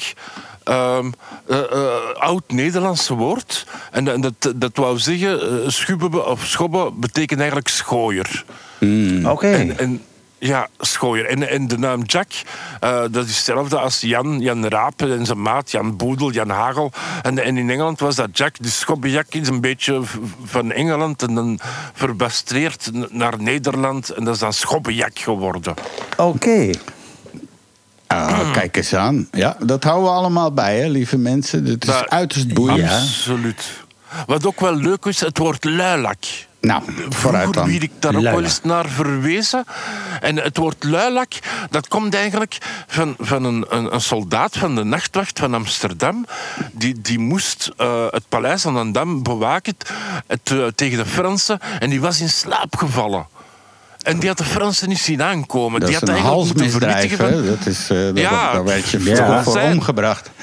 Ja, zeker. Maar nu, nu wordt hè, Piet Lak nog altijd gebruikt als luilak. Misschien is dat zijn straf. Hè. wat nog altijd zeggen we luilak. Ja. En dat komt dus van Piet Lak, de soldaat die lag te slapen eh, aan de, eh, de Amsterdam stadhuis. En die dus had moeten verwittigen van de Fransen zijn er. Maar ja, hij lag te slapen, dus dat ging niet. Oké. Dus, dus van, vandaar komt het woord luilak. Wat grappig eigenlijk. Ja, zo zie je maar weer. Als je een beetje zoekt, dan, dan is er van ieder, eh, van, over ieder woord wel eigenlijk iets te vinden. Ik vond het leuk om dit te horen. Ja, ik vermoed vaak een relatie. Dat zie je bijvoorbeeld ook in. eh, wat heb ik altijd al gedacht? Je hebt natuurlijk eh, Scandinavië. Daar is gewoon de, de alcoholkraan dicht gegaan. De hele regeringen hebben daar eh, het, eh, alcohol verboden. Klaarblijkelijk met weinig daglicht ga je al gauw aan de zuip. En als je dan kijkt naar bijvoorbeeld, als je dan echt helemaal naar boven gaat, heb je natuurlijk Lapland met de lappen. Nou, wie weet is er dan een relatie met het woord zuiplap en zatlap. Dat zou zomaar kunnen. Ja, ja. Absoluut. Nou ja, de, mijn, mijn echtgenote die heeft een vrij hoog aantal. eh, we hebben zo die genetische waar je vandaan komt allemaal. En die had inderdaad een Ja. nogal erg hoog gehaald. eh, eh, ja, Sami. Lap is een beetje Sami, een oh ja. scheldwoord, Ja. hè? Ja. ja. Dus, eh, Ik heb van ja, de week eh, een nieuwe serie gezien, Het Ontstaan van Vlaanderen, met, Ja. met Tom Waas. Ja. Die dat fantastisch brengt trouwens. Er komen er nog zeven of zoiets, dacht ik. Ja, ja. En, en dat is Het Ontstaan van Vlaanderen. En dat begint eh, met de Neandertaler. En, en, en zij, hij had zijn... eh, zijn, zijn dingen, hoe noem het er, DNA eh, laten onderzoeken. Dat was Ja. een van de voordingen die hij moest doen. En dan blijkt dat, dat iedere mens eh, toch op zijn minst tussen de onderhalf en 2 procent Neandertaler in maar zich wacht heeft even. Ho, Eh, ho, ho, ja. ho, ho. Niet Ja? Afrikaans. M- Mensen die niet van Afrikaanse afkomst. Dus de Afrikanen zijn niet Neandertalers. Absoluut niet. Het is echt. Nou, het eh, ligt nog ietsje anders. Eh, We hebben twee, eh, twee golven uit Afrika gehad. Ja, en ja. de eerste golf die is. eh, eh, eh, en Homo sapiens is, komt eigenlijk van de tweede golf. En bij die eerste golf is het Neandertaler, zeg maar. Tenminste, daar is de eh Onder Neandertaler andere. uit ontstaan. Zou Ja, en die zeggen. Nee, maar geen Denisova zin. mensen en nog andere en zo. Want het waren nog een Eh, aantal. En de Australopithecus en zo. Ja, de, de zijn. Ja, die eerste, maar dat was gewoon een soort eh, gehad. proefversie. Die eerste golf was gewoon een... eh, we braken wat uit vanuit Afrika. En Nou, nou, nou dat mislukte. En dan hebben ze even nog een Nou, paar honderdduizend de, de hele wereld is gekoloniseerd eigenlijk. Alleen in, in, in, het, eh, in eh, wat in Afrika bleef, eh, dat eh, kwam gewoon eh, duizenden jaren later. Ja. Alleen op eh, zo'n 50.000 jaar geleden liepen we dus rond met de Neandertaler, Ja, ja. sapiens. Die Maar wat had ik dan me ook de afvraag- de Denisova-mens en, de, en de, de late Homo erectus was er ook nog. En uh, ga zo maar door. Ja, maar wat ik me dan afvraag is... van die eerste golf eh, is er eigenlijk niks over. Hè? Er, er is geen enkele van die eerste golf die er nu nog is. Nee. Behalve Nee, dan eh, die tijd dat we dus met die Neandertalers... eh, want hebben we bijvoorbeeld hebben de Chinezen dan ook iets van eh, Denisova? Zeker. Als je kijkt, men vermoedt nu dat zeg maar, het feit dat die. er is bijvoorbeeld een, een, een genetische afwijking die daar, tenminste een genetische variatie moet ik zeggen, gevonden bij bergvolkeren. Die kunnen dus ook wat makkelijker zuurstof opslaan in hun bloed, waardoor ook die Sherpa's zeg maar wat makkelijker eh, op zo'n hoogte kunnen, eh, kunnen zijn. Ja, ja. Eh, en, en, ja, en wat, wat je ziet, zeg maar, West-Euro- West-Europeanen... die hebben weer een aantal, aantal procenten eh eh, Neandertalbloed. Dus er is, er is zeker verme- verm- eh, vermenging geweest. Ja, ja, op die Eh, en, dat, ja, en dan heb je ook Ja, nog de, de- de dat werd daar ook verteld. Ik vond het een heel boeiende uitzending, die eerste uitzending. Het enigste teleurstelling die ik had, was dat blijkbaar het leven in Vlaanderen allemaal ontstaan is in de Limburg. Ja, Oh. en dat eh, maakt mijn vrouw dan weer heel erg trots en blij. Van, eh, zie je wel, want het grappige is een beetje... de Limburger worden hier een beetje zo aangekeken als van... oh, de Limburger. Ja. De- Je hebt hier typisch de, de, Limburg- de Limburgse mop. Hè. De, wat, wat krijg je als je enzovoort. eh, dus... Dus ja, die voelen zich ook een beetje altijd, omdat ze, ja, hun, hun accent verraadt zich. Eh, hè, dus dat is meteen zo, eh, ja, goedemiddag. eh, Ja, zeker. Zeker, ja, Zeker, precies. dat komt vanuit Slimburg. Ken, Ja. ken je niet horen dan? ja, maar nu doen we Ja. aan culturele appropriatie, hè. dat mag niet meer. dat mag Ja, niet, en, je Nee, moet nee. dat ook veel trager uitspreken dan dat je nu aan het doen was. Ja. Ja, zeker als je in Limburg bent. Ja. Hoe pas Dat is op. altijd, waarom komen Limburgers altijd te laat? Ja, als je de weg vraagt of vraagt wanneer vertrekt de trein, dan is dat... Nou, de trein die vertrekt, oh, hij is al weg. zo, zo, hè. Zo. Ja, Ja. ja oké, mensen. Maar dat gingen we niet doen. We gingen dat niet doen. Nee, Ja. nee, we zijn ook Nee, absoluut tegen elke vorm van eh, geodiscriminatie of, eh, of de, hoe, nee, dia- dialectdiscriminatie of de, Ja. wat voor soort wij zijn van de verbale en dialectisme en, en regioïsme en zo en allerlei. Geen Ja. enkele isme hier. Ik, ik wens onze luisteraars trouwens een smakelijk eten momenteel, want het is, het is 12 uur. We hebben eigenlijk niet afgeteld voor het nieuwe jaar. Hè? Nee. Het is 12 uur. Allee, het is al vijf na ondertussen. Ja. En, en we hebben niet gevierd. Het is Gelukkig nieuwjaar. Hè? Zeg, Mario, jij ook. En is het van? Ja, 12 ja, uur. ja. Het is feest. hè? Ja, ook aan Ja, elkaar. het blijft aan dat vuurwerk. Ik ga Ja. geen bubbels pakken. Ik ga geen bubbels pakken. Oh ja, Voilà. vuurwerk. Wat een geldverspilling. Wat, Mario, Ja. hoeveel, hoeveel... We zouden eens uit moeten rekenen. 1 kilo kruid. Hoeveel rotzooi eh, creëert dat als je dat eh, vergast? Dus eh, als het ontploft. Wat Nou, die- die- kruid is het probleem en- niet. Nou, die, die- dat, die- dat kruid is het probleem niet. Alleen eh, die kleurtjes die in, die, eh, eh, in dat vuurwerk zitten, eh, die kleurtjes, dat, dat zijn zware metalen. Ja. Dus Ja, daar ook ja, daar eerste- wonen mee. De, de olifant in de ruimte eh, aanpakken. Wa- Wat, wat vervuiling krijg je als je zo'n paar auto's in brand steekt?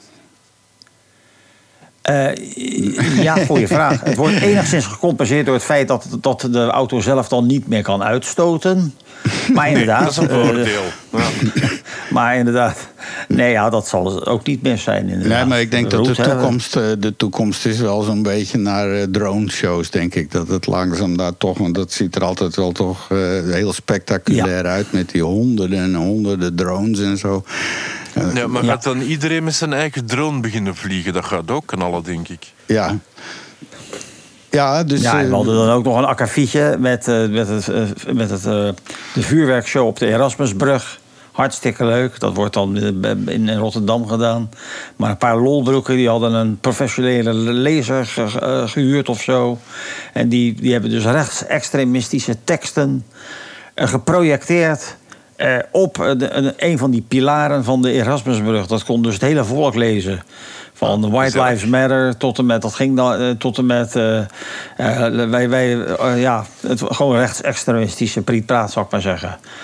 En ja, en de- wie ga, hoe ga je zo iemand vinden, eigenlijk? Die laser volgen, denk ik dan? Ja, maar dat, dat kan uit een gebouw komen. En dan moet je toevallig het, het groene puntje zien te vinden. Ja, of zo'n rode bril aan hebben. Ja, of zo'n rode bril aan hebben, dan zie je heel de lijn.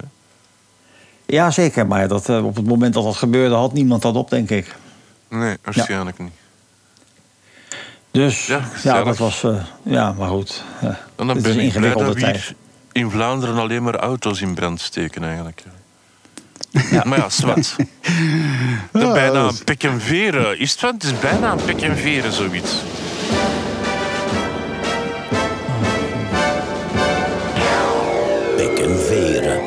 Keer. Ja. Ja, eh, twee kandidaten, twee mensen die, die gewoon op de spoorstaaf met pek en eh, worden ingesmeerd en vervolgens dan met veren erbij en al dus zo de stad uit of het dorp uit, whatever. Dat is de opgave van deze. En eh, Ja. het is alweer zover. want We hebben een paar maanden geleden hebben we het alles eh, over een bestuurder gehad die, eh, die in chroma was gevallen terwijl die auto reed. Twee zelfs. Oké. Ja. Ja. vertel Maar dit keer gaat het een stuk verder.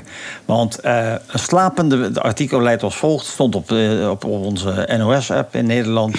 Slapende bestuurder rijdt een kwartier met 110 km per uur over de autobaan in Duitsland.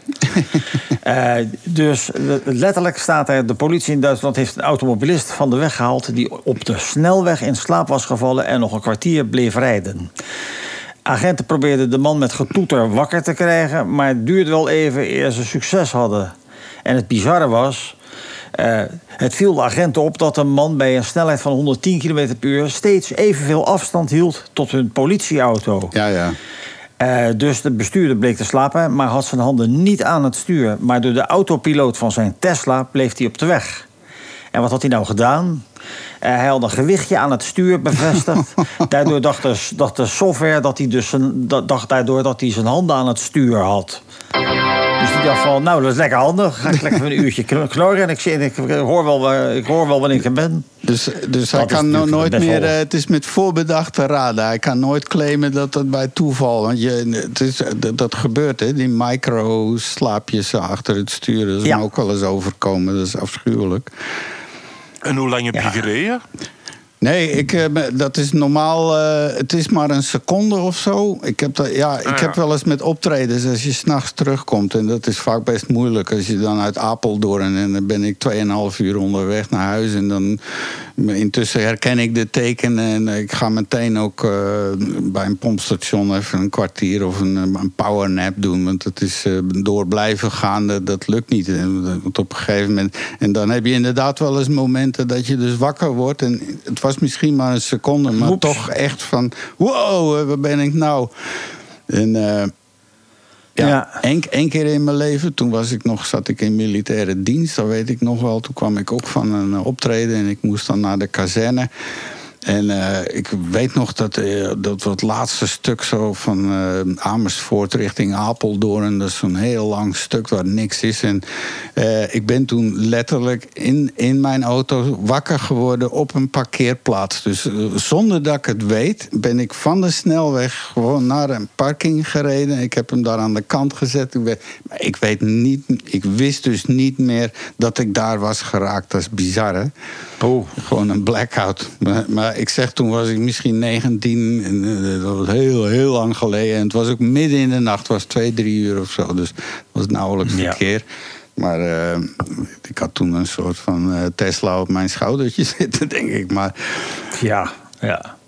maar ja, dit, dit blijkt een terugkerend fenomeen te worden nou, zo langzamerhand. Want die Tesla's, die, dat kost wel 15.000 euro, hè, die upgrade voor full self-driving. Is dat zo, ja? Ja, daar waren ze heel boos over. Want een tijd geleden was dat nog min of meer inbegrepen en zo. Maar intussen is dat uitgesteld, uitgesteld. Want het was niet klaar. En dan, vorig jaar hebben ze het dan uiteindelijk ge- gereleased. 15.000 euro. En dan ook nog eens natuurlijk per maand het nodige. Want ja, zonder internet gaat zo'n auto niet eens open. Hè. Dat is helemaal... Zo, zover dat ik mij herinner, de, de, de vorige eh in slaap gevallen, die dat dan per ongeluk in slaap gevallen was, die ontweek ook de politiecombi. Ja, Die bleef er niet achter, die ontweek die ook gewoon. Ook ingeprogrammeerd. Ja, maar ja, hoe gaan ze dit nu oplossen? En ik denk dat er een soort toekomst gaat van dat zo'n politiewagen een, een soort joystick meekrijgt. Zo'n zo'n- zo- Sony PlayStation ding, wat je gewoon met twee van die knopjes. En dat ze dan eh, zo via het internet of zo inbreken in die auto. En dan netjes. Ja. Maar ik kan me dan ook allerlei misbruiken. Ook Ja, je, je zal dat maar kunnen hacken. Dan, dan kan je die hele ver- vervelende buurman schreeuwend over de snelweg sturen. Met je Ja. joystick. Ja, in de verkeerde richting. Ja. Ja, dat, is, dat is toch wel griezelig. dan. De mensheid Ja. is, is hier nog niet klaar mee. Dus in ieder geval. eh, dat is één pek en veren. Maar ja, die kandidaat is het dan die software of zo. Die, die, eh, die, die Ja, nee, eigenlijk. Nou, nee, die man- voorbedachte raden gedaan. Hè? Dus Ja, ja, man, hè. Ja. Die man, die man echt. ja. Absoluut, Dat is echt absoluut. een pek en veren. Ja, en dan gaan we naar de tweede kandidaat. Ja, hier klinkt dat onbestaand bijna. Maar eh, er is een eh, gast in Amerika. Dat is een vrij jonge gast, George Santos. Die had het dus in zijn hoofd gehaald om eh, verkiezing eh, te winnen in eh, Amerika en op Long Island. Dat is eigenlijk een democratisch bastion, maar hij heeft er toch in Bolwerk. geslaagd. Ja, een de- democratisch bolwerk, maar hij is er toch in geslaagd om, om ja, met zijn lulverhaal verkozen te geworden. Dus hij is aspirant. Hij zit nog niet, hè. Het is nog een paar dagen, maar eh, hij is eh, gekozen. Hij is elect. Maar nu heeft de New York Times het helemaal ontrafeld. En vrijwel alles wat hij vermeldde over financieel, over werk, over opleiding... Eh, alles behalve zijn naam, denk ik, dat gelogen was of verzonnen. Ja, ja. Dat Ja, beetje wat moeten we Trump daar nou mee? Eigenlijk. Trump doet dat al jaren. Ik zie niet wat het probleem is dan. Ja, ja nou, daar heb je Nou, die- Ja. ja. echt gelogen. lo- ja, die over dingen, maar, maar eh, over zijn financiële zaken. Maar, maar niet zozeer over waar hij nou op school zat. En, eh, en, en weet ik veel waar hij allemaal gewerkt heeft en zo. En dit, was zijn, dit is gewoon een hele cv die gewoon compleet bij elkaar gelogen is. Van, van, eh, van Ja. afkomst, opleiding, dood van zijn moeder. Hij wordt gezorgd, gezocht in Bra- Brazilië, staat hij op de opsporingslijst voor diefstal. En zo, ja, maar, dat gaat nog wel wat worden. ja, maar nu Ik- is ik het ook eh, in die Republikeinen. Er is niemand die zegt van huppakee, pek en veren de- de- eruit met die gast. Want ze zijn bang dat tijdens, ze. mijn Ja. tijdens mijn legerdienst. Nee, Ik zat in Neder-Overeenbeek, dat is het militair hospitaal, dat ook bekend staat om zijn brandwondencentrum. Eh, de, de- op een gegeven moment kwam er iemand eh, zijn legerdienst doen en die liep daar rond met een sigaar en, en die werd gebracht met een chauffeur in een Rolls Royce. En die liep daar rond met een sigaar en een autotelefoon. En dat is lang geleden. Hè. Dat Een autotelefoon, dat was toch nog zo'n grote bak met, met een antenne aan. Ja, ja, ja. En, en Die, die moest, want die had geen diploma's opgegeven, die moest aan de afwas gaan staan. En die was direct naar de korpscommandant gegaan en zegt: Kijk, eh, ik heb thuis vier mensen die mijn bed opdekken en, en mijn eten maken en, en, en mijn afwas doen. Ik ga hier niet afwassen.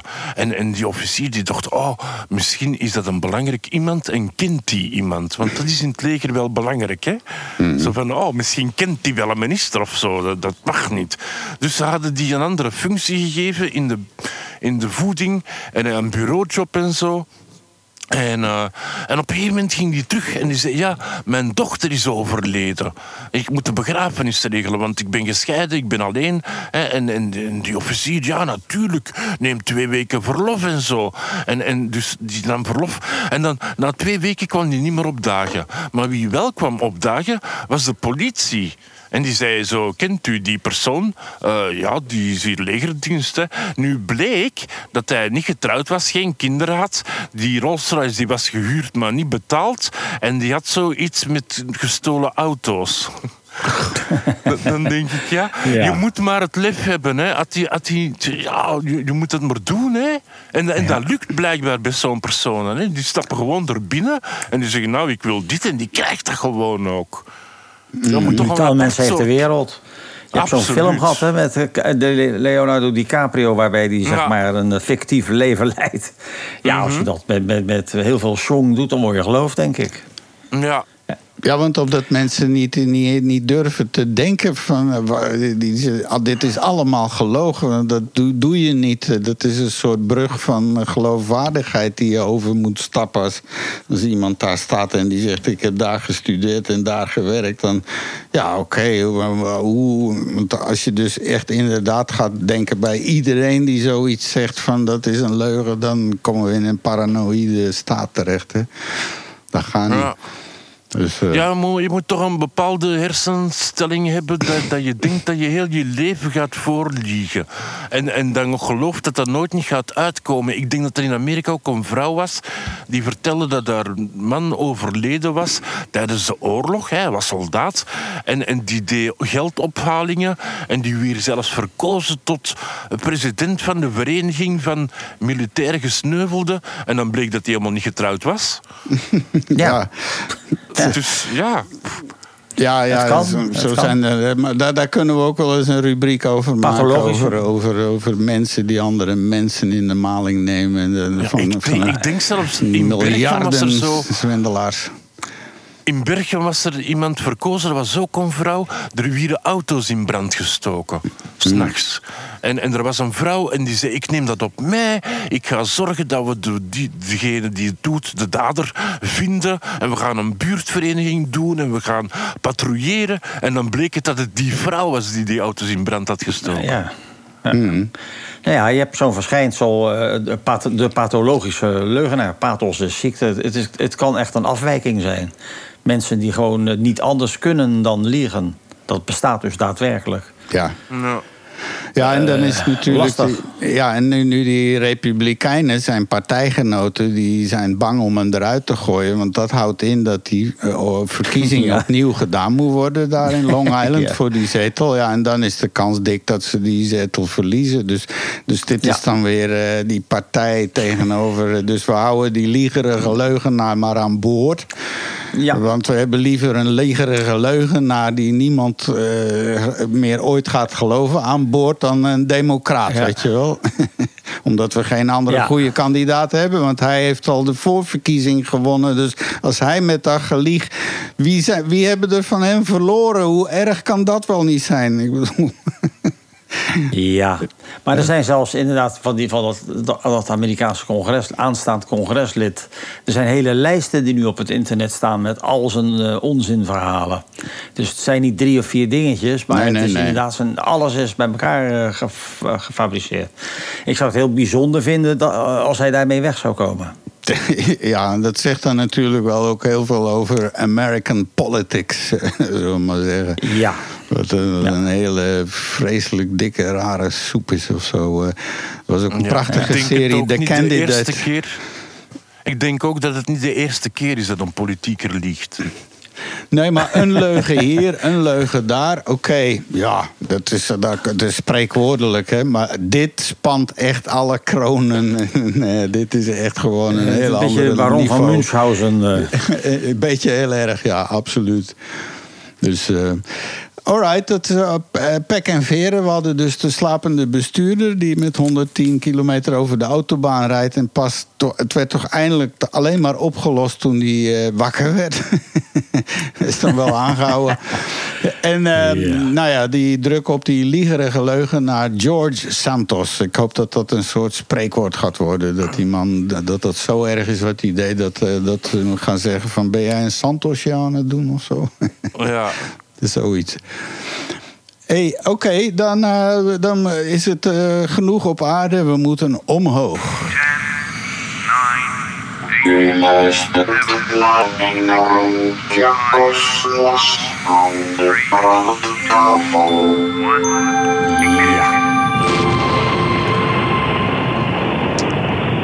We moeten het hoger opzoeken en dan zonder drugs of middelen, maar gewoon denkend aan de kosmos, Mario. Yes, de cosmos. En we moeten eerst even melden, een vrolijk bericht van de NASA op Twitter. Eh, we starten met de verleden tijd eh, het jaar met minder dan 5000 bevestigde exoplaneten. En dit jaar eh, hebben we er 5235. Dus 4, en 4% daarvan zijn rotsachtig. Zoals de aarde en Mars. En wat gaat de nieuwe allemaal brengen? Dus daar is een, Een leuk, leven. Een, een leuk Ik hoop het. Hoop. Ja, leven. Goed leven dan, hè? vriendelijk leven. Want die, die Baba Java die zei, de aliens komen in 2023 en ze komen niet een pintje drinken. Hè? Ze komen echt... eh, Ja. ja. Ja, ik, ik, denk niet, ik denk niet dat we dat ooit gaan meemaken. Gewoon, gewoon vanwege het feit dat alles te ver uit elkaar ligt. Hoe oud moet een organisme worden om tussen, tussen twee sterren te reizen? Ja, Ons en- dichtstbijzijnde sterretje is 4,5 lichtjaar. Die heet dan ook eh, Proxima Centauri. 4,5 de- en de, met de snelheid van het licht, dus met 300.000 kilometer per seconde, moet je 4,5 jaar rijden, reizen. Dus zou je dus zeg maar 100.000 kilometer per uur kunnen gaan, dan ben je nog duizenden jaren onderweg. Dus, dus de kans dat dat eh, gebeurt lijkt mij En dan eh, nog. zeer klein. En dan nog, je hebt de synchroniciteit. Want ja, het heelal is dan wat 13 en nog wat miljard jaar. Dus stel dat er ergens anders een zonnestelsel wat 1 miljard jaar eerder begonnen is. Dus die, waren, die hadden 1 miljard jaar geleden hun eh, Egyptenaartjes en, eh, en dan hun NASA en hun ding. Want eigenlijk is het maar een speldenprik in de tijd. Hè, wat we doen die laatste paar honderd jaar Ja. ineens. Terwijl er miljoenen en miljarden jaar. Dus het moet ook allemaal net eh, gelijk lopen met elkaar. Want misschien was dat een prachtige beschaving. En die na 100 miljoen jaar is opgelost en verdwenen. Dan een miljard Kan. jaar niks dan wij. Dus het is niet zo makkelijk пока ломал. Ja, Nee, maar wat- het zou kunnen dat er een wereld bestaat Dat. waar dat ze niet luisteren naar Greta Thunberg. En, en de wereld bestaat allemaal uit Elon Musks. En die bouwen allemaal vloten, want ze hebben hun wereld naar de bom gedaan. En, en die zijn nu aan het reizen naar andere wereld. Ja, parallele, Beyond- parallele universums heb je het over nu. Ja, maar dan moet je toch wel. Je zit dan nog altijd met de ruimtestraling. En eh, eh, ik, wat wel zou kunnen, eh, is. Ik, er zullen ongetwijfeld andere beschavingen zijn. En die zullen ook op enig moment ophouden te bestaan.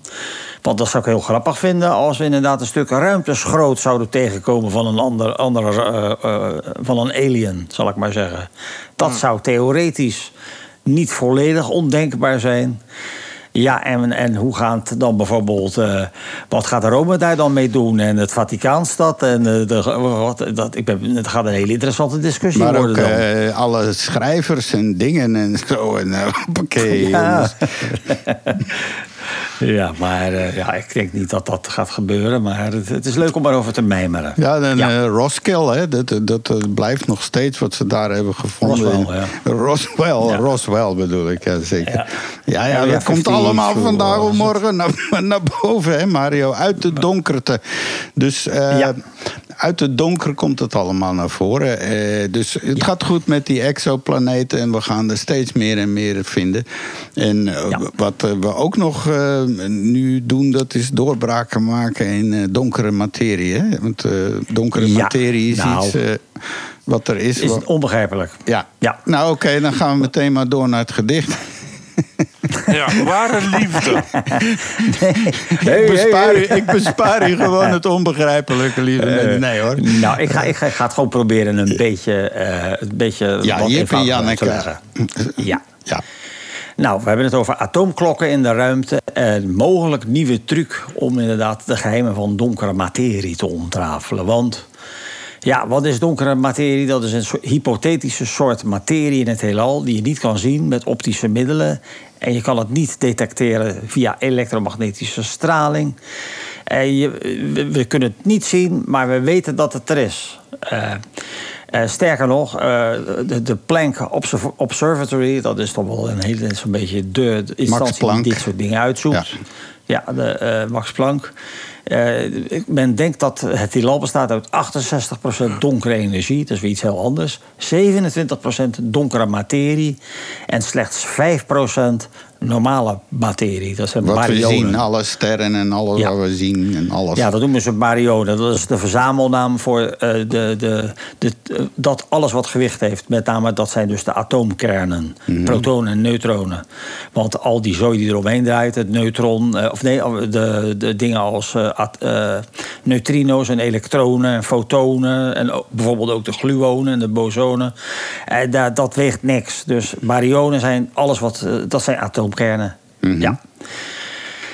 Dus, en eh, die zichtbare materie eh, eh, dat, eh, en de onzichtbare baryonische massa, dat zijn dus dan de uitgedoofde sterren, die zien we natuurlijk ook niet in hun pla- hun planeten. Dat is niet voldoende om eh, de baan te kunnen verklaren. Dus we weten dat er eh, die energie moet zijn, maar hoe meet je dat in vredesnaam? Of die, die massa, die eh donkere Ja, materie. nou, hoe doe je dat in vredesnaam? Nou, Ja. de truc is, het, het, dat, die, die donkere materie, eh, men denkt eh, dat. eh, eh, en ze hebben een aanname dat die, de lokale dichtheid van donkere materie. Dus wat, wat door een detector, detector heen gaat, varieert. Met andere woorden, er zitten golfbewegingen in die, in die materie. Ja, ja.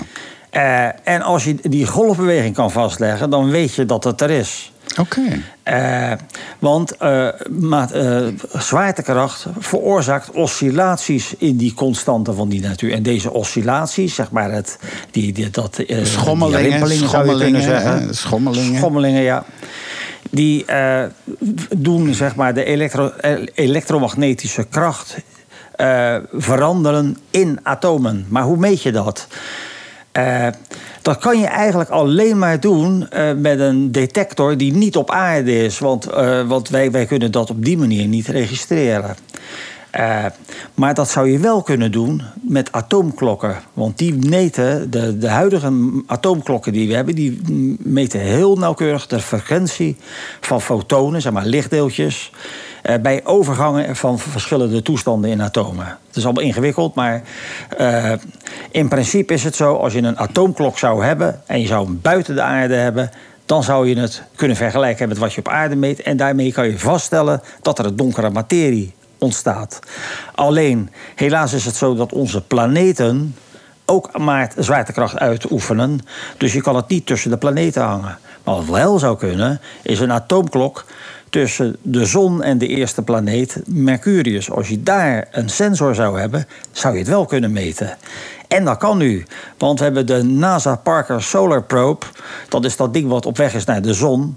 En die is ook helemaal afgeschermd en dergelijke. Die zou dat kunnen meten.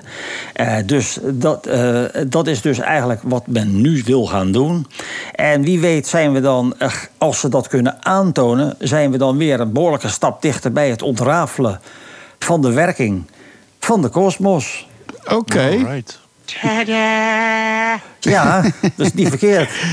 Nee, nee. Dus, ja. eh, ja, dat, dus die. eh, eh, ja, dan, eh, ja dan, dan krijgen we natuurlijk nog de, de, de don- donkere energie. Dat is weer een heel ander verhaal. Maar dat, gaan we, dat is voor een andere keer.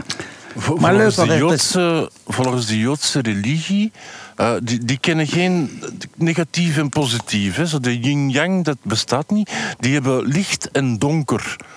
En, en donker is een plaats waar dat het licht nog niet geweest is. Oké. Daar word je stil van, hè? Ja, ja, daar word je echt stil van. Hè? Ja, ja, ja. Eh, ja. ja, het is gewoon een, een tegenstelling, inderdaad. Hmm. Een tegenstelling in een, eh, ja. Maar inderdaad, nee, ik vind het wel interessant hoor. Zoals inderdaad iedere keer men weer een stapje dichter eh, ko- komt bij het eh, verklaren van alles. Dus Ja, en mag ik dan een, een domme vraag stellen? Hè? Want dark matter, hè, donkere materie. Wat is het verschil tussen een zwart gat dat ook donker is en, en dan die dark matter? Of de nou, een zwart gat kan je wel meten, want dat oefent een onvoorstelbare zwaartekracht uit. Daar wordt alles ingezogen. Dus je Ah, kan ja. het aantonen. Je ziet hem niet, maar je kan het wel aantonen. Eh, Mhm. je hebt natuurlijk ook die, die accre- accretieschijf die eromheen zit. Dus je ziet al, er zit altijd een ring omheen van gassen en weet ik veel wat, wat naar binnen gezogen wordt. Maar die donkere materie, die, die kan je met geen enkele eh, eh, apparaat meten eigenlijk. En heeft het dan een bepaald doel, denk je? Eh, Jazeker, het, het verklaren van het universum. Kijk, het komt er feitelijk op neer, eh, als je dus nu kijkt naar al die sterrenstelsels die we hebben. Wij hebben de Melkweg. Eigenlijk, voor wat we nu weten, zou de, de- die hele zooi verder uit elkaar geslingerd moeten zijn. Er is iets dus wat alles een beetje bij elkaar houdt. Een beetje Ah, ja. op- zijn Jip en Janneke. En dat is die donkere materie. En alle berekeningen wijzen daarop. Al die donkere... eh, De- de- de- het gewicht ervan, het zwaartekrachteffect ervan is wat we zien. Maar terwijl we niet zien wat. Het is net als een niet bestaande p- magneet of zo, eh, zoiets. Het is de lijm van onze kosmos. Een Ja. beetje. Dit, eh, een beetje, het houdt de boel een beetje bij elkaar. En als je dan een donkere. En je hebt dan ook nog eh, donkere. Dat is donkere materie. Je hebt dan ook nog donkere energie. Ja. Dat begrijpt ook niemand, want dat heeft meneer Hubble ontdekt. Eh, het heelal is niet statisch, maar het dijt uit. Ja. En, En- en, nu nog is men erachter gekomen dat dat ook nog eens versnelt. Dus Ja. het, het- we gaan ook steeds sneller uit elkaar. En dat begrijpt ook niemand. Want je zou zeggen, ze oefenen allemaal zwaartekracht op elkaar uit. Dus alles gaat uiteindelijk trekt aan elkaar. Toch is er een kracht die alles versneld doet uitwaaien, uit, eh, waaieren, zal ik maar zeggen. Ja, ze proberen dat ons die, te zeg maar, die ontsnappen, Mario. Ze proberen aan de mens te ontsnappen, zodat al die science fiction films vooral niet waar zijn. En ze denken, als we maar zien dat het eh, genoeg uitdijt, dan blijven die vreselijke homo sapiens weg uit onze buurt voordat ze hier ook alles Dus, naar dus de eigenlijk de hele zooi naar de bang helpen. van ons. Ja, ja, ja, ik denk dat dat het is. Van, het is ingebouwd in de natuur. Op een gegeven moment ontstaat er een planeet met een ontzettend destructief ras. En de enige bescherming eh, die we hebben is naar de heuvels, wegwezen. Nee, maar ja, het is echt zo. 80% van alle massa in het universum kunnen we dus niet zien. 80%. Ja. Dus eh, dat zijn hele ingewikkelde vragen. Nee, ja, eh, en dat maakt het wel uiterst boeiend voor de geleerden vanaf nu. Want het, wordt, ja, het is eigenlijk altijd al boeiend geweest. Maar het is net alsof er, want sinds die cosmic background radiation en al die, en nu ook Ja. eh, de, de ontdekkingen van die zwaartekrachtgolven en zo. Ja, er gaan allemaal vensters open nu ineens. hè. Ik zou wel jong Ja. willen zijn. En, Eh, nou, zeker. Ik, dat, dat- ik vind het fascinerend hoe alles in elkaar steekt. En iedere keer eh, komen ze een klein stapje verder. Maar, en, en het blijkt dan ook iedere keer weer totaal anders te zijn. En dat is wat het boeiend maakt. Ja, zo, ik zou even nog naar de, naar de tweet kijken over die planeten. Want Die, die, die waren net even langs geweest natuurlijk. Van wat er ontdekt is. En eh, van alle planeten die nu ontdekt zijn... eh, zijn er 30% zijn van die gasreuzen. Zoals Jupiter Ja. en eh, dingen. 31% zijn de zogenaamde super-Earths. Dat zijn eh, planeten die zo tussen de aarde en eh, Neptunus... eh, die eigenlijk niet bestaan in ons, maar die zijn een stuk groter als de aarde enzovoort. En dan 4% zijn kleine rotsige planeten... eh, die ongeveer eh, op aarde lijken, or a little smaller, zeg maar. En dan v- 35% zijn Neptuunachtige, dus eh, zoiets als. Neptunus of Uranus. De, de, de ijsplaneten. Ja, ice giants of iets warmer. Maar warm Neptunes are more rare, zeggen ze. Dus van al die planeten die ze hebben gevonden... blijkt dat er maar 4% kleine rotsachtige zijn... Hè, Ja. eh, Die kans hebben dan op zoiets als wij. eh, Maar dan- dan praat je nog steeds over honderden miljoenen planeten natuurlijk. Uiteindelijk, ja, ja, ja. Maar, maar, en daarvan, eh, want je hebt dan die Miljarden. beroemde vergelijking van, eh, ik denk Moore heet die, van, eh, met al die, die uitrekening hoeveel planeten er zouden moeten zijn met de beschavingen en zo. Er is een bekende formule is daarvan. Ehm, dus die en tot de tweede, tot de tweede, tot de tweede, tot de tweede of zo. Maar dat zoeken we de volgende keer wel eens op. Daar zetten we een team achter op. eh, Het is leuk om erover te, te mijmeren. Maar inderdaad, maar dan moet je wel zeggen... met een, met een zon zoals wij die hebben... Een, dus wel dat, dit type ster... Er is een wetmatigheid. Dus eh, je hebt echt zeg maar die, eh, de Goldilocks zone. En- dat is de band waar, waarin zeg maar, de aardachtige planeten, de rotsplaneten zitten. En daar heb je, het is een logica. eh, en daar, daarna volgen inderdaad de gasplaneten en dan de ijsplaneten. Ja.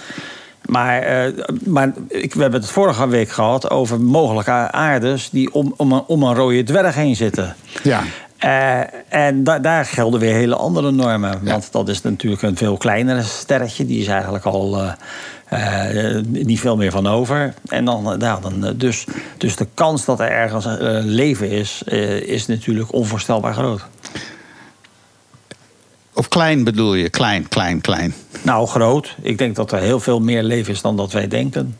Ah ja, ja, maar ja, dan op allerlei manieren. Maar, maar echt contact mee, eh, zo bezoekende ruimteschepen en zo. Star Wars of zo. Ah, dat zal, oké. dat, nee, dat gaat, het, het is te groot gewoon. Want, Dat, want ja, die, die hadden er dan al moeten zijn ook. Die hadden er dan al moeten zijn, denk ik. Als er zoiets was als een Star Wars die zou kunnen springen en boem ineens.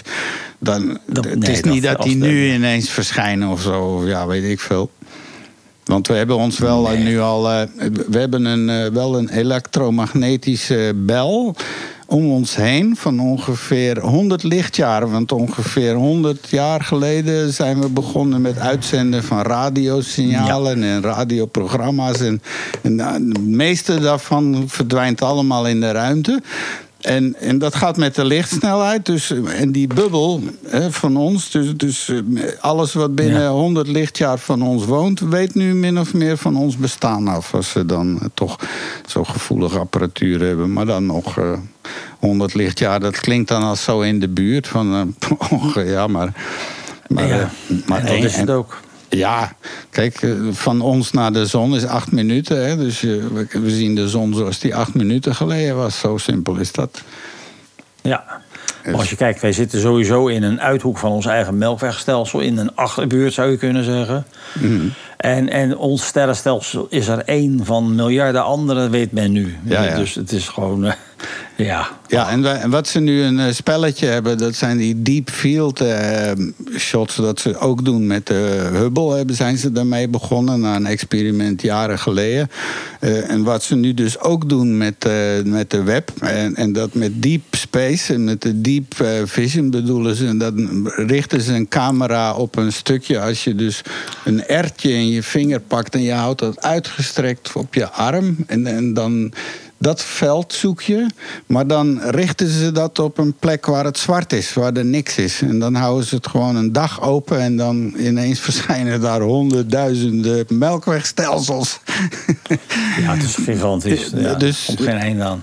En daar worden nieuwe ontdekkingen, want daar vinden ze dus die oudste stelsels die vlak na de oerknal. Ja. En, eh, Nou, hebben we het over gehad. We, we zijn al bij 200 miljoen jaar na de Big Bang. ja, ja. Dus ik denk ook niet dat ze nog dichterbij kunnen komen. Want eh, ja, ik kan het mis hebben. Maar het lijkt mij, na de Big Bang was er toen licht. Wat, wat is licht? Dat zijn fotonen.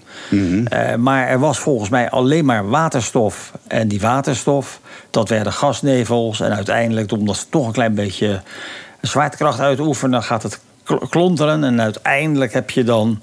eh, dan krijg je een protopla- protoster. En uiteindelijk, het blijft klonteren. En de druk in het midden wordt steeds Eh, en eh, steeds hoger. En dan op, op enig moment ontstaat er fusie. En dan En- heb je volgens mij pas het eerste licht. Dus die, die vanaf de Big Bang tot de eerste ster... eh, lijkt mij dat er geen licht was. Nee, dus dat was daar kan je, ook dat niet. zal de James Webb ook nooit zien. Nee. En we zijn nu bij 200 miljoen jaar na die... Dat is direct eigenlijk na de Big Ja, ja, Bang. de eerste dus ik lampjes. denk niet dat ze nog verder kunnen gaan. Nee, nee, maar wat verbazend was, en we moeten nu dit afronden, is dat er op dat moment al melkwegstelsels waren. Het ging niet om losse sterren, maar ze zagen al hele galaxies. En dan vroegen ze af, waar, hadden die al zwarte... Maar dat is volgende week, want eh, melkwegstelsels en zwarte gaten en bla bla bla. Maar we duiken er steeds dieper in. We gaan gewoon... zo? Ja, ja, ja, ja, dat is zo, Mario. Volgende week. Oké. Uw favoriete quiz brengt u gedicht erbij. Ja, ik, ik moest dit even afronden, want eh, we waren te kosmisch gegaan. En eh, ja, we hebben, eh, tijd is een onstopbare tijd, is die andere grote Einsteiniaanse factor die ons leven betaalt. En dat gaat altijd maar één kant op, hè? Is het waar? Ja, zeker. En die klok gaat nooit achteruit of zo, alleen in films. Ah, nee, nee, dat is waar. En Ja. in je dromen. En als je bepaalde substanties tot je neemt, dan zie je zo'n wijzer alle kanten op gaan die je wil. Maar het is tijd voor het eh, zachte gedeelte, het mooie gedeelte, het warme gedeelte. Eh, ja. En zeker weer nu we kijken tegen grijs, regen en eh, na die krankzinnige oudejaarsdag. 17 graden, hoe was het bij jullie, Mario? Eh, warm, heel warm. Je hebt er niks van gemerkt. Je zat gewoon in je GR-code ding met je glas wijn. Nee, ik was bij een hele, ik was bij een hele goede vriend. Bij mijn biomaat in, in het leven. Oké. En we waren aan het bio en het is ongemerkt voorbij gegaan. Oh, oké. Nou ja, Ja. niet Nou door ja. mij. Ik vond het Ja. geweldig. Wandeling gemaakt. En, eh, en ik ben dan s'avonds door de stad. En dat was absurd, joh. Absurd gewoon. Maar dit is ook absurd Ja. wat we nu gaan horen. En dat is een gedicht over ware liefde. Ik zou zeggen, take it away, Chris. Ja, het is een, een, een gedicht van Leo Vrooman. Leo Vrooman was Nederlands-Amerikaanse dichter. Hij was dus geboren in Nederland, maar hij is in 1947 naar Amerika gegaan. Eh, hij noemde zichzelf bioloog en wetenschapper, maar in Nederland en, en, en Vlaanderen is hij vooral bekend om zijn dichterschap als dichter. Eh, in 1964 kreeg hij ook de PC Hoofdprijs eh, voor literatuur en zo. En... en ehm, een bekende dichtregel van Leo Vrooman eh, eh, voor een gedicht van vrede is bijvoorbeeld... Kom vanavond met verhalen hoe de oorlog is verdwenen... en herhaal ze honderd malen, alle malen zal ik wenen. Oh, Dus dat was... Ja, zo, zo is Leo. Ehm, ik heb een gedicht uitgekozen, het noemt Ware Liefde... maar eigenlijk gaat het over een muis. en dat is een beetje om, om mijn ongeluk met mijn muis hier thuis, de muis hier thuis, ik ben al aan het dichten, eh, een beetje goed te maken. Ja, De het een thuismuis. beetje goed te maken. Ja, de thuismuis dus het- is uit huis nu. Ja, absoluut. Dus, eh, dus ware liefde, een, een, een, een, een, een, liefde tussen de muis en, en waarschijnlijk de schrijver. Oké, dan is het bij deze aan jullie. Ja. Wat was dit opeens een levend huis? Toen ik zag dat het plekje van zo pas geen werkelijk gezichtsbedrog was, maar een voortvliegerige muis. Wat was de doos computerpapier met de stapel boeken waar die naast staat, toch opeens een hele dorpstraat met een zijsteegje voor het pootjesdier? Het had altijd wel zo'n gevaarlijke haast. Van mijn liefde wilde hij niets weten, van mijn cornflakes wilde hij niet eten, maar alles leek hem meer en meer verbaasd. Na drie dagen kwam de vierde dag. Als eerste dat ik haar had niet. Als eerste dat ik haar niet zag. De verwarming was aan, de kamer heet. De vijfde had ik haar weer niet gezien. De kamer geurde bovendien naar oliesoep met kippenzweet. De zesde dag rook een hoek helaas naar hazenwol met schaamtekaas. De zevende, wat weten wij, van onze naaste en van mij, of waarom ik zo akelig veel hield van het propje grijs fluweel. Ben geen reus meer en de doos die naast de stapel, stapel boeken staat, is ook al sinds een hele poos terug in zijn oude formaat. Favoriete Chris brengt u gedicht erbij. Zo. Een mooi gedicht. Ik moet zeggen, ik ben onder de indruk. Je hebt het ook mooi gebracht, vooral zeg ik het zelf. Dank u wel. Hè? Ja. Goed je best gedaan. Ja, mooi muziekje er ook bij, hè? Ja, dat Oh, past uitstekend. Hè? En luisteraars, dat is live hier. Hè? Dus we doen dat, wij zijn een live bandje. Trouwens, heeft u een bepaalde lezing of een eh, voorstelling of een, een vernissage? Wij kunnen, kunnen rustig over iets komen praten. En Mario speelt er een pianootje bij enzovoort. En, en Ja, onze en Chris doet helemaal hebt- niets. Onze Chris doet dan Ja, ik- helemaal niets. Of, of voor extra wil ik muizen vangen. Allee, ik kan er gewoon op staan dan. Ja, maar, en alle muizen dan ook. Hè? Dus eh, dat niemand maar alleen Ja. nog maar met touchpads, maar niemand mag ook een muis meebrengen. Zeker niet. Dat is allemaal Ja, uitgesloten. ik ben de muizenpletter van Antwerpen. Ja. Nou, dat was wel een itempje dat we dus nu in Nederland... dat eh, zeg maar, de, eh, we mogen de ratten niet meer best- bestrijden met gif. Want dat is Ja? zielig. Oh, ja, Eh, dat dus hebben ook we nu zo. weer een eh, officiële rattenvanger... die eh, met een soort geweer en een night vision... eh, en een infraroodcamera, zeg maar... eh, overal ratten aan het schieten is. Ah, dat lijkt me ook nog wel iets, eigenlijk. Mhm. Eh, ja, het zijn voornamelijk nachtdieren. En ja, het is bijna een eh, soort schaakmatverhaal. Want eh, die, die man die is dan voornamelijk op het platteland aanwezig. Bij stallen en bij langs sloten en dergelijke. En, ja, en met night vision en met een infraroodcamera zie je, zie je, zie je ze gewoon ontzettend oplichten. En dan heeft hij Ja. een heel indrukwekkend ding, eh, geweer met een, met een eh, telescoop erop. Of hoe heet zoiets? En een En is laser bij- waarschijnlijk. Ja, ja. Ver- vermoedelijk. En Ja, dat is- over dat- oplichten ja, is gesproken. Er was een, eh, een eh, stuk in eh, New York Times en daar hoort ook een video bij. Die zullen we eens eh, op het eh, web zetten. En dat is een, eh, echt een stevige aanrader om het volgende te doen. Als, als u naar het toilet bent geweest, eerst de klep dicht voordat u op doorspoelen klikt. Ja, Oh ja. heb ik ook gelezen. En eh, je wil dus niet weten, want wat gebeurt er namelijk als je gewoon doorspoelt? eh, dan eh, blijkt daar gewoon best veel water en zelfs hele kleine droplets die je bijna niet ziet, die spatten omhoog uit de kom. Ja. En eh, daar hebben ze met een laser eh, enorm zichtbaar gemaakt. Dus waarvan je denkt, en ik ben meteen gelovig geworden. En we hebben zo'n ding met zo'n vertraging. En dat is dan wel heel vervelend. Want dan Met je- gelovig bedoel je dan katholiek? ben je ineens katholiek geworden? Nou ja, ik kan nu begrijpen dat dat gewoon helemaal niet fris is. Want ja, de- in die allereerste opspattende, eh, daar zitten dan- dan ook nog eh, fecaliën. Dat is dus onderzocht. Want eh, ja, als je Ja. doorspoelt en dan ja, bovenop, dat, dat ligt dan meestal in wat... Ja, ik ga dat nu niet allemaal uitleggen. Dat kan iedereen wel bedenken. Maar je kan ook wel bedenken wat er gebeurt als er zo'n straal water... Eh, eh, Je hebt dan nu andere Ja. toiletten die zo eerst mooi in het rond gaan en zo. En eh, dat, dat soort dingen. Maar, eh, Maar ja. denk eraan. Een tip voor u. Doe voortaan de klep dicht voordat je de wc doorspoelt. Ja, maar ja, dat wil ik even, wel even het een en ander vind ik daarvan. Want kijk, het- je kan zeggen inderdaad, je ademt dat in, dat is ook Nou zo. ja, maar het ik komt ben- op de muren. Het komt, het komt op de muren en in je Ja. kleren. En, eh, Maar ik zou zeggen, kom eens langs en neem je sloop mee van je bed. Dan gaan we samen aan mijn microscoop zien. Laat ik jou zien wat daarin leeft. ja, maar moet je het Ja, dan dat nodelijk is- erger daar- maken? hè? Ik, ik denk, in die sloop, daar slaapt Istvan zelf in. En, en misschien zijn, zijn lieve vrouw ook. Mhm. Maar, maar als je nu op café gaat en, en je moet naar het wc...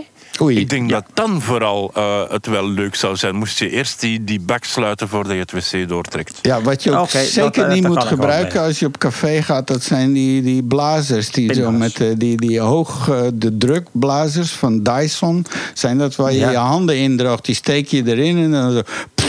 Ja.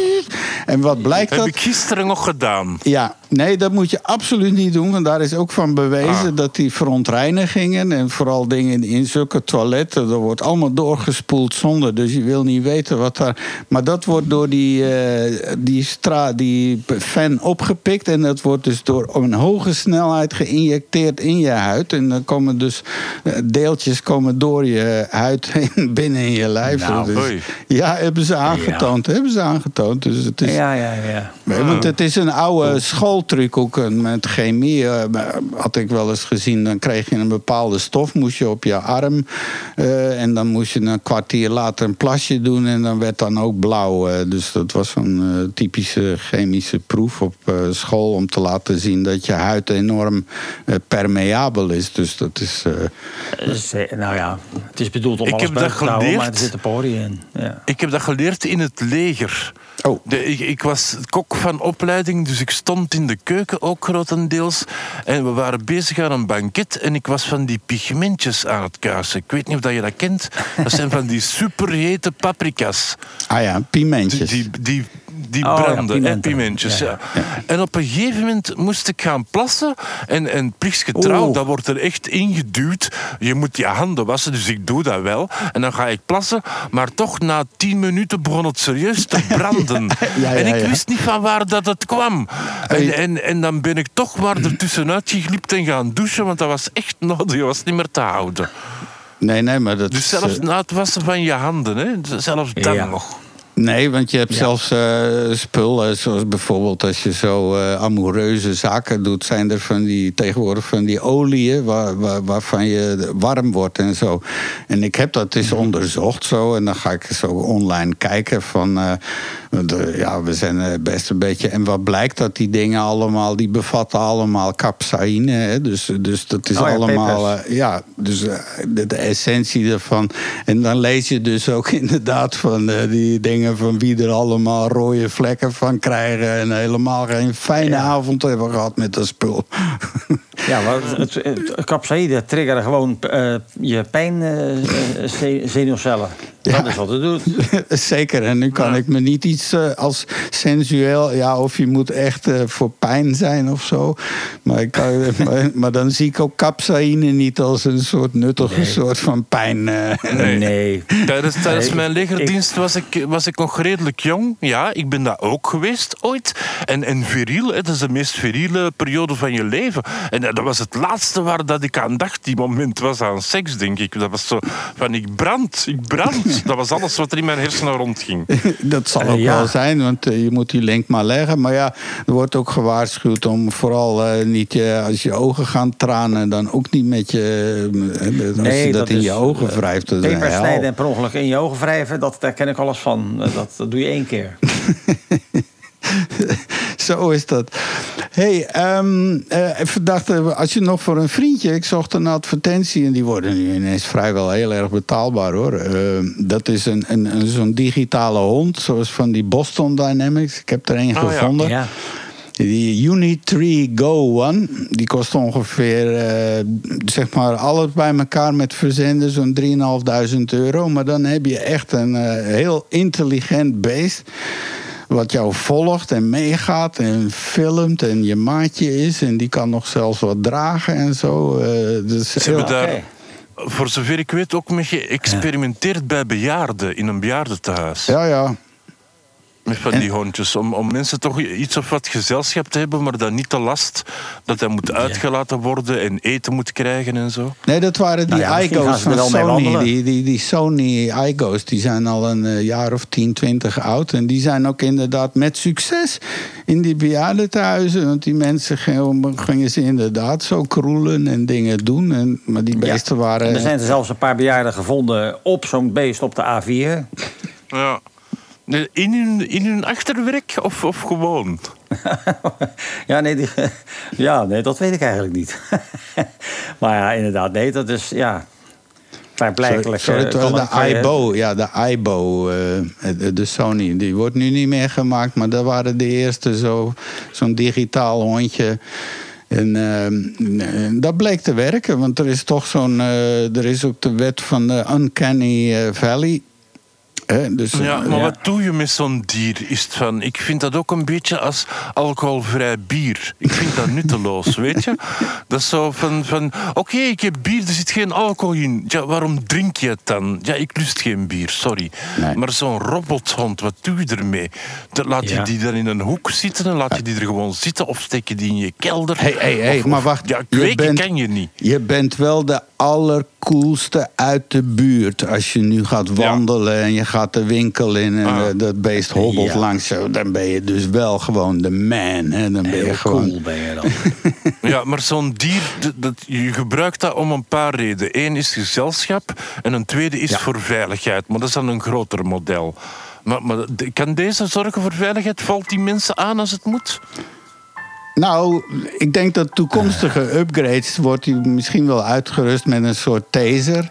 En dan misschien met een klein Een eh, punt, of zo. punt 22. Ja. maar een klein revolvertje ook, een, een punt Ja, 22. en pepperspray en, en, en stroomstoten. Ja, En, en, laserstraal om iemand te blinden. Eh, ik kan me allerlei upgrades nu al bedrijfjes in China die al. Oh, we have beautiful add-on. Ja. eh, extra, extra voor Van die illegale toestanden zo via Amazon. En dan krijg, je een, dan. eh, Ja. dan krijg je dus dat zo'n bewapende hond een andere bewapende hond tegenkomt. en het halve winkelcentrum wordt gesloopt. Ja. dat ze Maar elkaar op het achter- moment, als er zo'n Ja. hond hebt met een vlammenwerper, dan wil ik er wel een bestellen. Oké. ja. Nou ja, maar ik denk dat je met een beetje knutselen er zelf gewoon een op kan zetten. Weet je wel, je hebt niet veel nodig. Waarschijnlijk wel. eh, Je hebt alleen maar een bussarlak nodig en een aansteker. Ja, en een Arduinootje met een eh, ding. Voilà, en die heb ik liggen. Ja. Oké. Nou, kijk eens, kijk eens aan. Nou, een nieuw project voor het nieuwe jaar. Wie is de eerste van ons die zo'n hond kunnen weaponizen? nou, jij met je 3D-printers, Mario. Hè? Jij kan, eh, Ik moet een eind kunnen komen. Jij kan daar van alles op en aan hangen aan zo'n beest. Zeker, zeker. Zeker, lieve mensen. U hoort eh, het een muziekje waar we altijd heel melodramatisch van Is het worden. al want, eh, gedaan? Is het van? Jongen, het is Zijn waar. door? Het is waar. is er eigenlijk net doorheen. of dat we net gebe- begonnen. Ja, dat heb God, ik dat ook dat gevoel. Ik, ik dacht eerst van, goh, dat wordt een lap. Maar nu is het ineens al voorbij. En dat vind ik best heel erg. Want eh, het is een soort eh, gaat scheiden van ons volk. Scheiden van Ja. ons publiek en zo. Hè? Mhm. Dus ja, dan is nog even een rondje. We, dat hebben we allemaal geleerd, deze uitzending. Dus we hebben gehoord van Medvedev met zijn fantastische voorspellingen. Eh, we hebben het Ja, uitgebreid Medvedev. over eh, zombies en cannibalisme gehad en al dat soort dingen. We weten nu dat eh feutale eh, operaties prenataal ineens makkelijker zijn door mosselen. En dankzij hun mosselsyndroom. Eh, we weten alles over klaplopers, zwansers, schobbejakken, liegende Amerikaanse congresleden, slapende bestuurders, atoomklokken. Een eh, prachtig gedicht. Ja, wat nog meer. Hè? Waar krijg je dit nog? En als je dit nu gemist hebt, kun je naar de website praattafel.be. En daar kun je dadelijk alle, de hele uitzending terugluisteren als podcast. En als je de vorige dan ook leuk vindt en ook leuk vindt, ja, ze staan er allemaal op. Een, er staan er 111 op naast deze. Dit was de 112e. Ik heb trouwens goed nieuws. Is het van, ik heb ergens een hack ontdekt. En ik kan zien dat er momenteel via de stream 27 mensen luisteren.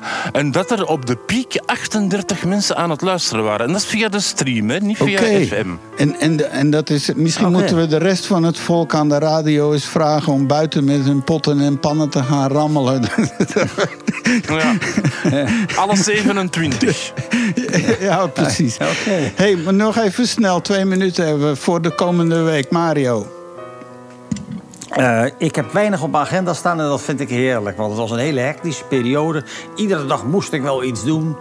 En het begint nu een beetje leger te worden. Dus ik denk dat ik eh, deze eh, komende dagen ga klaplopen, schoppenjakken en luilakken. Je kan weer terug in je, kluis, in je kluizenaarsbestaan eigenlijk. Zo, Ja. lekker Ga je rustig. ook klaplopen? Ga je ook Van, ga weg, rot Ik op, ga ga weg. klaplopen. ik ga zeker, absoluut, ik ga lekker weinig doen. En, en, Nou ja. en, de, en de Chris? Wel, buiten dat ik dan zo'n elektronische hond met een vlammenwerper ga ontwerpen, ga ik vanavond nog naar de laatste keer eh, dinsdagclub van Witalski, wat dat een ongelofelijke show is. En, en voor de rest heb ik eigenlijk nog geen... Ja, ik ben terug gedoetjes aan het schrijven. Eh, Ah. of, al, ik heb er al twee, hè, want we Oh, zijn ja. de tweede. Dus vandaag moet ik mijn derde schrijven en ik ga dat een heel jaar doen. Oké. Dus zo'n dinges. En, Ja. eh, en dat gaan we Oké. dan op de voet kunnen volgen hier, denk je? Je kan dat denken, ja. Oké, dan gaan we dat doen. Wij gaan dat denken. En als je maar hard genoeg denkt, dan wordt het ook eh, Dan zo. gebeurt het gewoon. Zo is het. Allerliefste mensen, van mij is het van Lelusje uit Bergen. Hartelijke groet. En dan jullie nog gauw. Nu? Ja, en eh, namens Mario uit Rotterdam natuurlijk tot volgende week. Yes. Ja, en, en ik wens alle, alle luisteraars, alle 27, maar ook al die anderen, eh, een fantastisch 2023 toe. Veel liefde en warmte. Oké. Ja, vooral warmte met deze, met de gasprijzen. Veel warmte. Ja, ja waarschijnlijk wel, ja. Centraal presenteert de praattafel.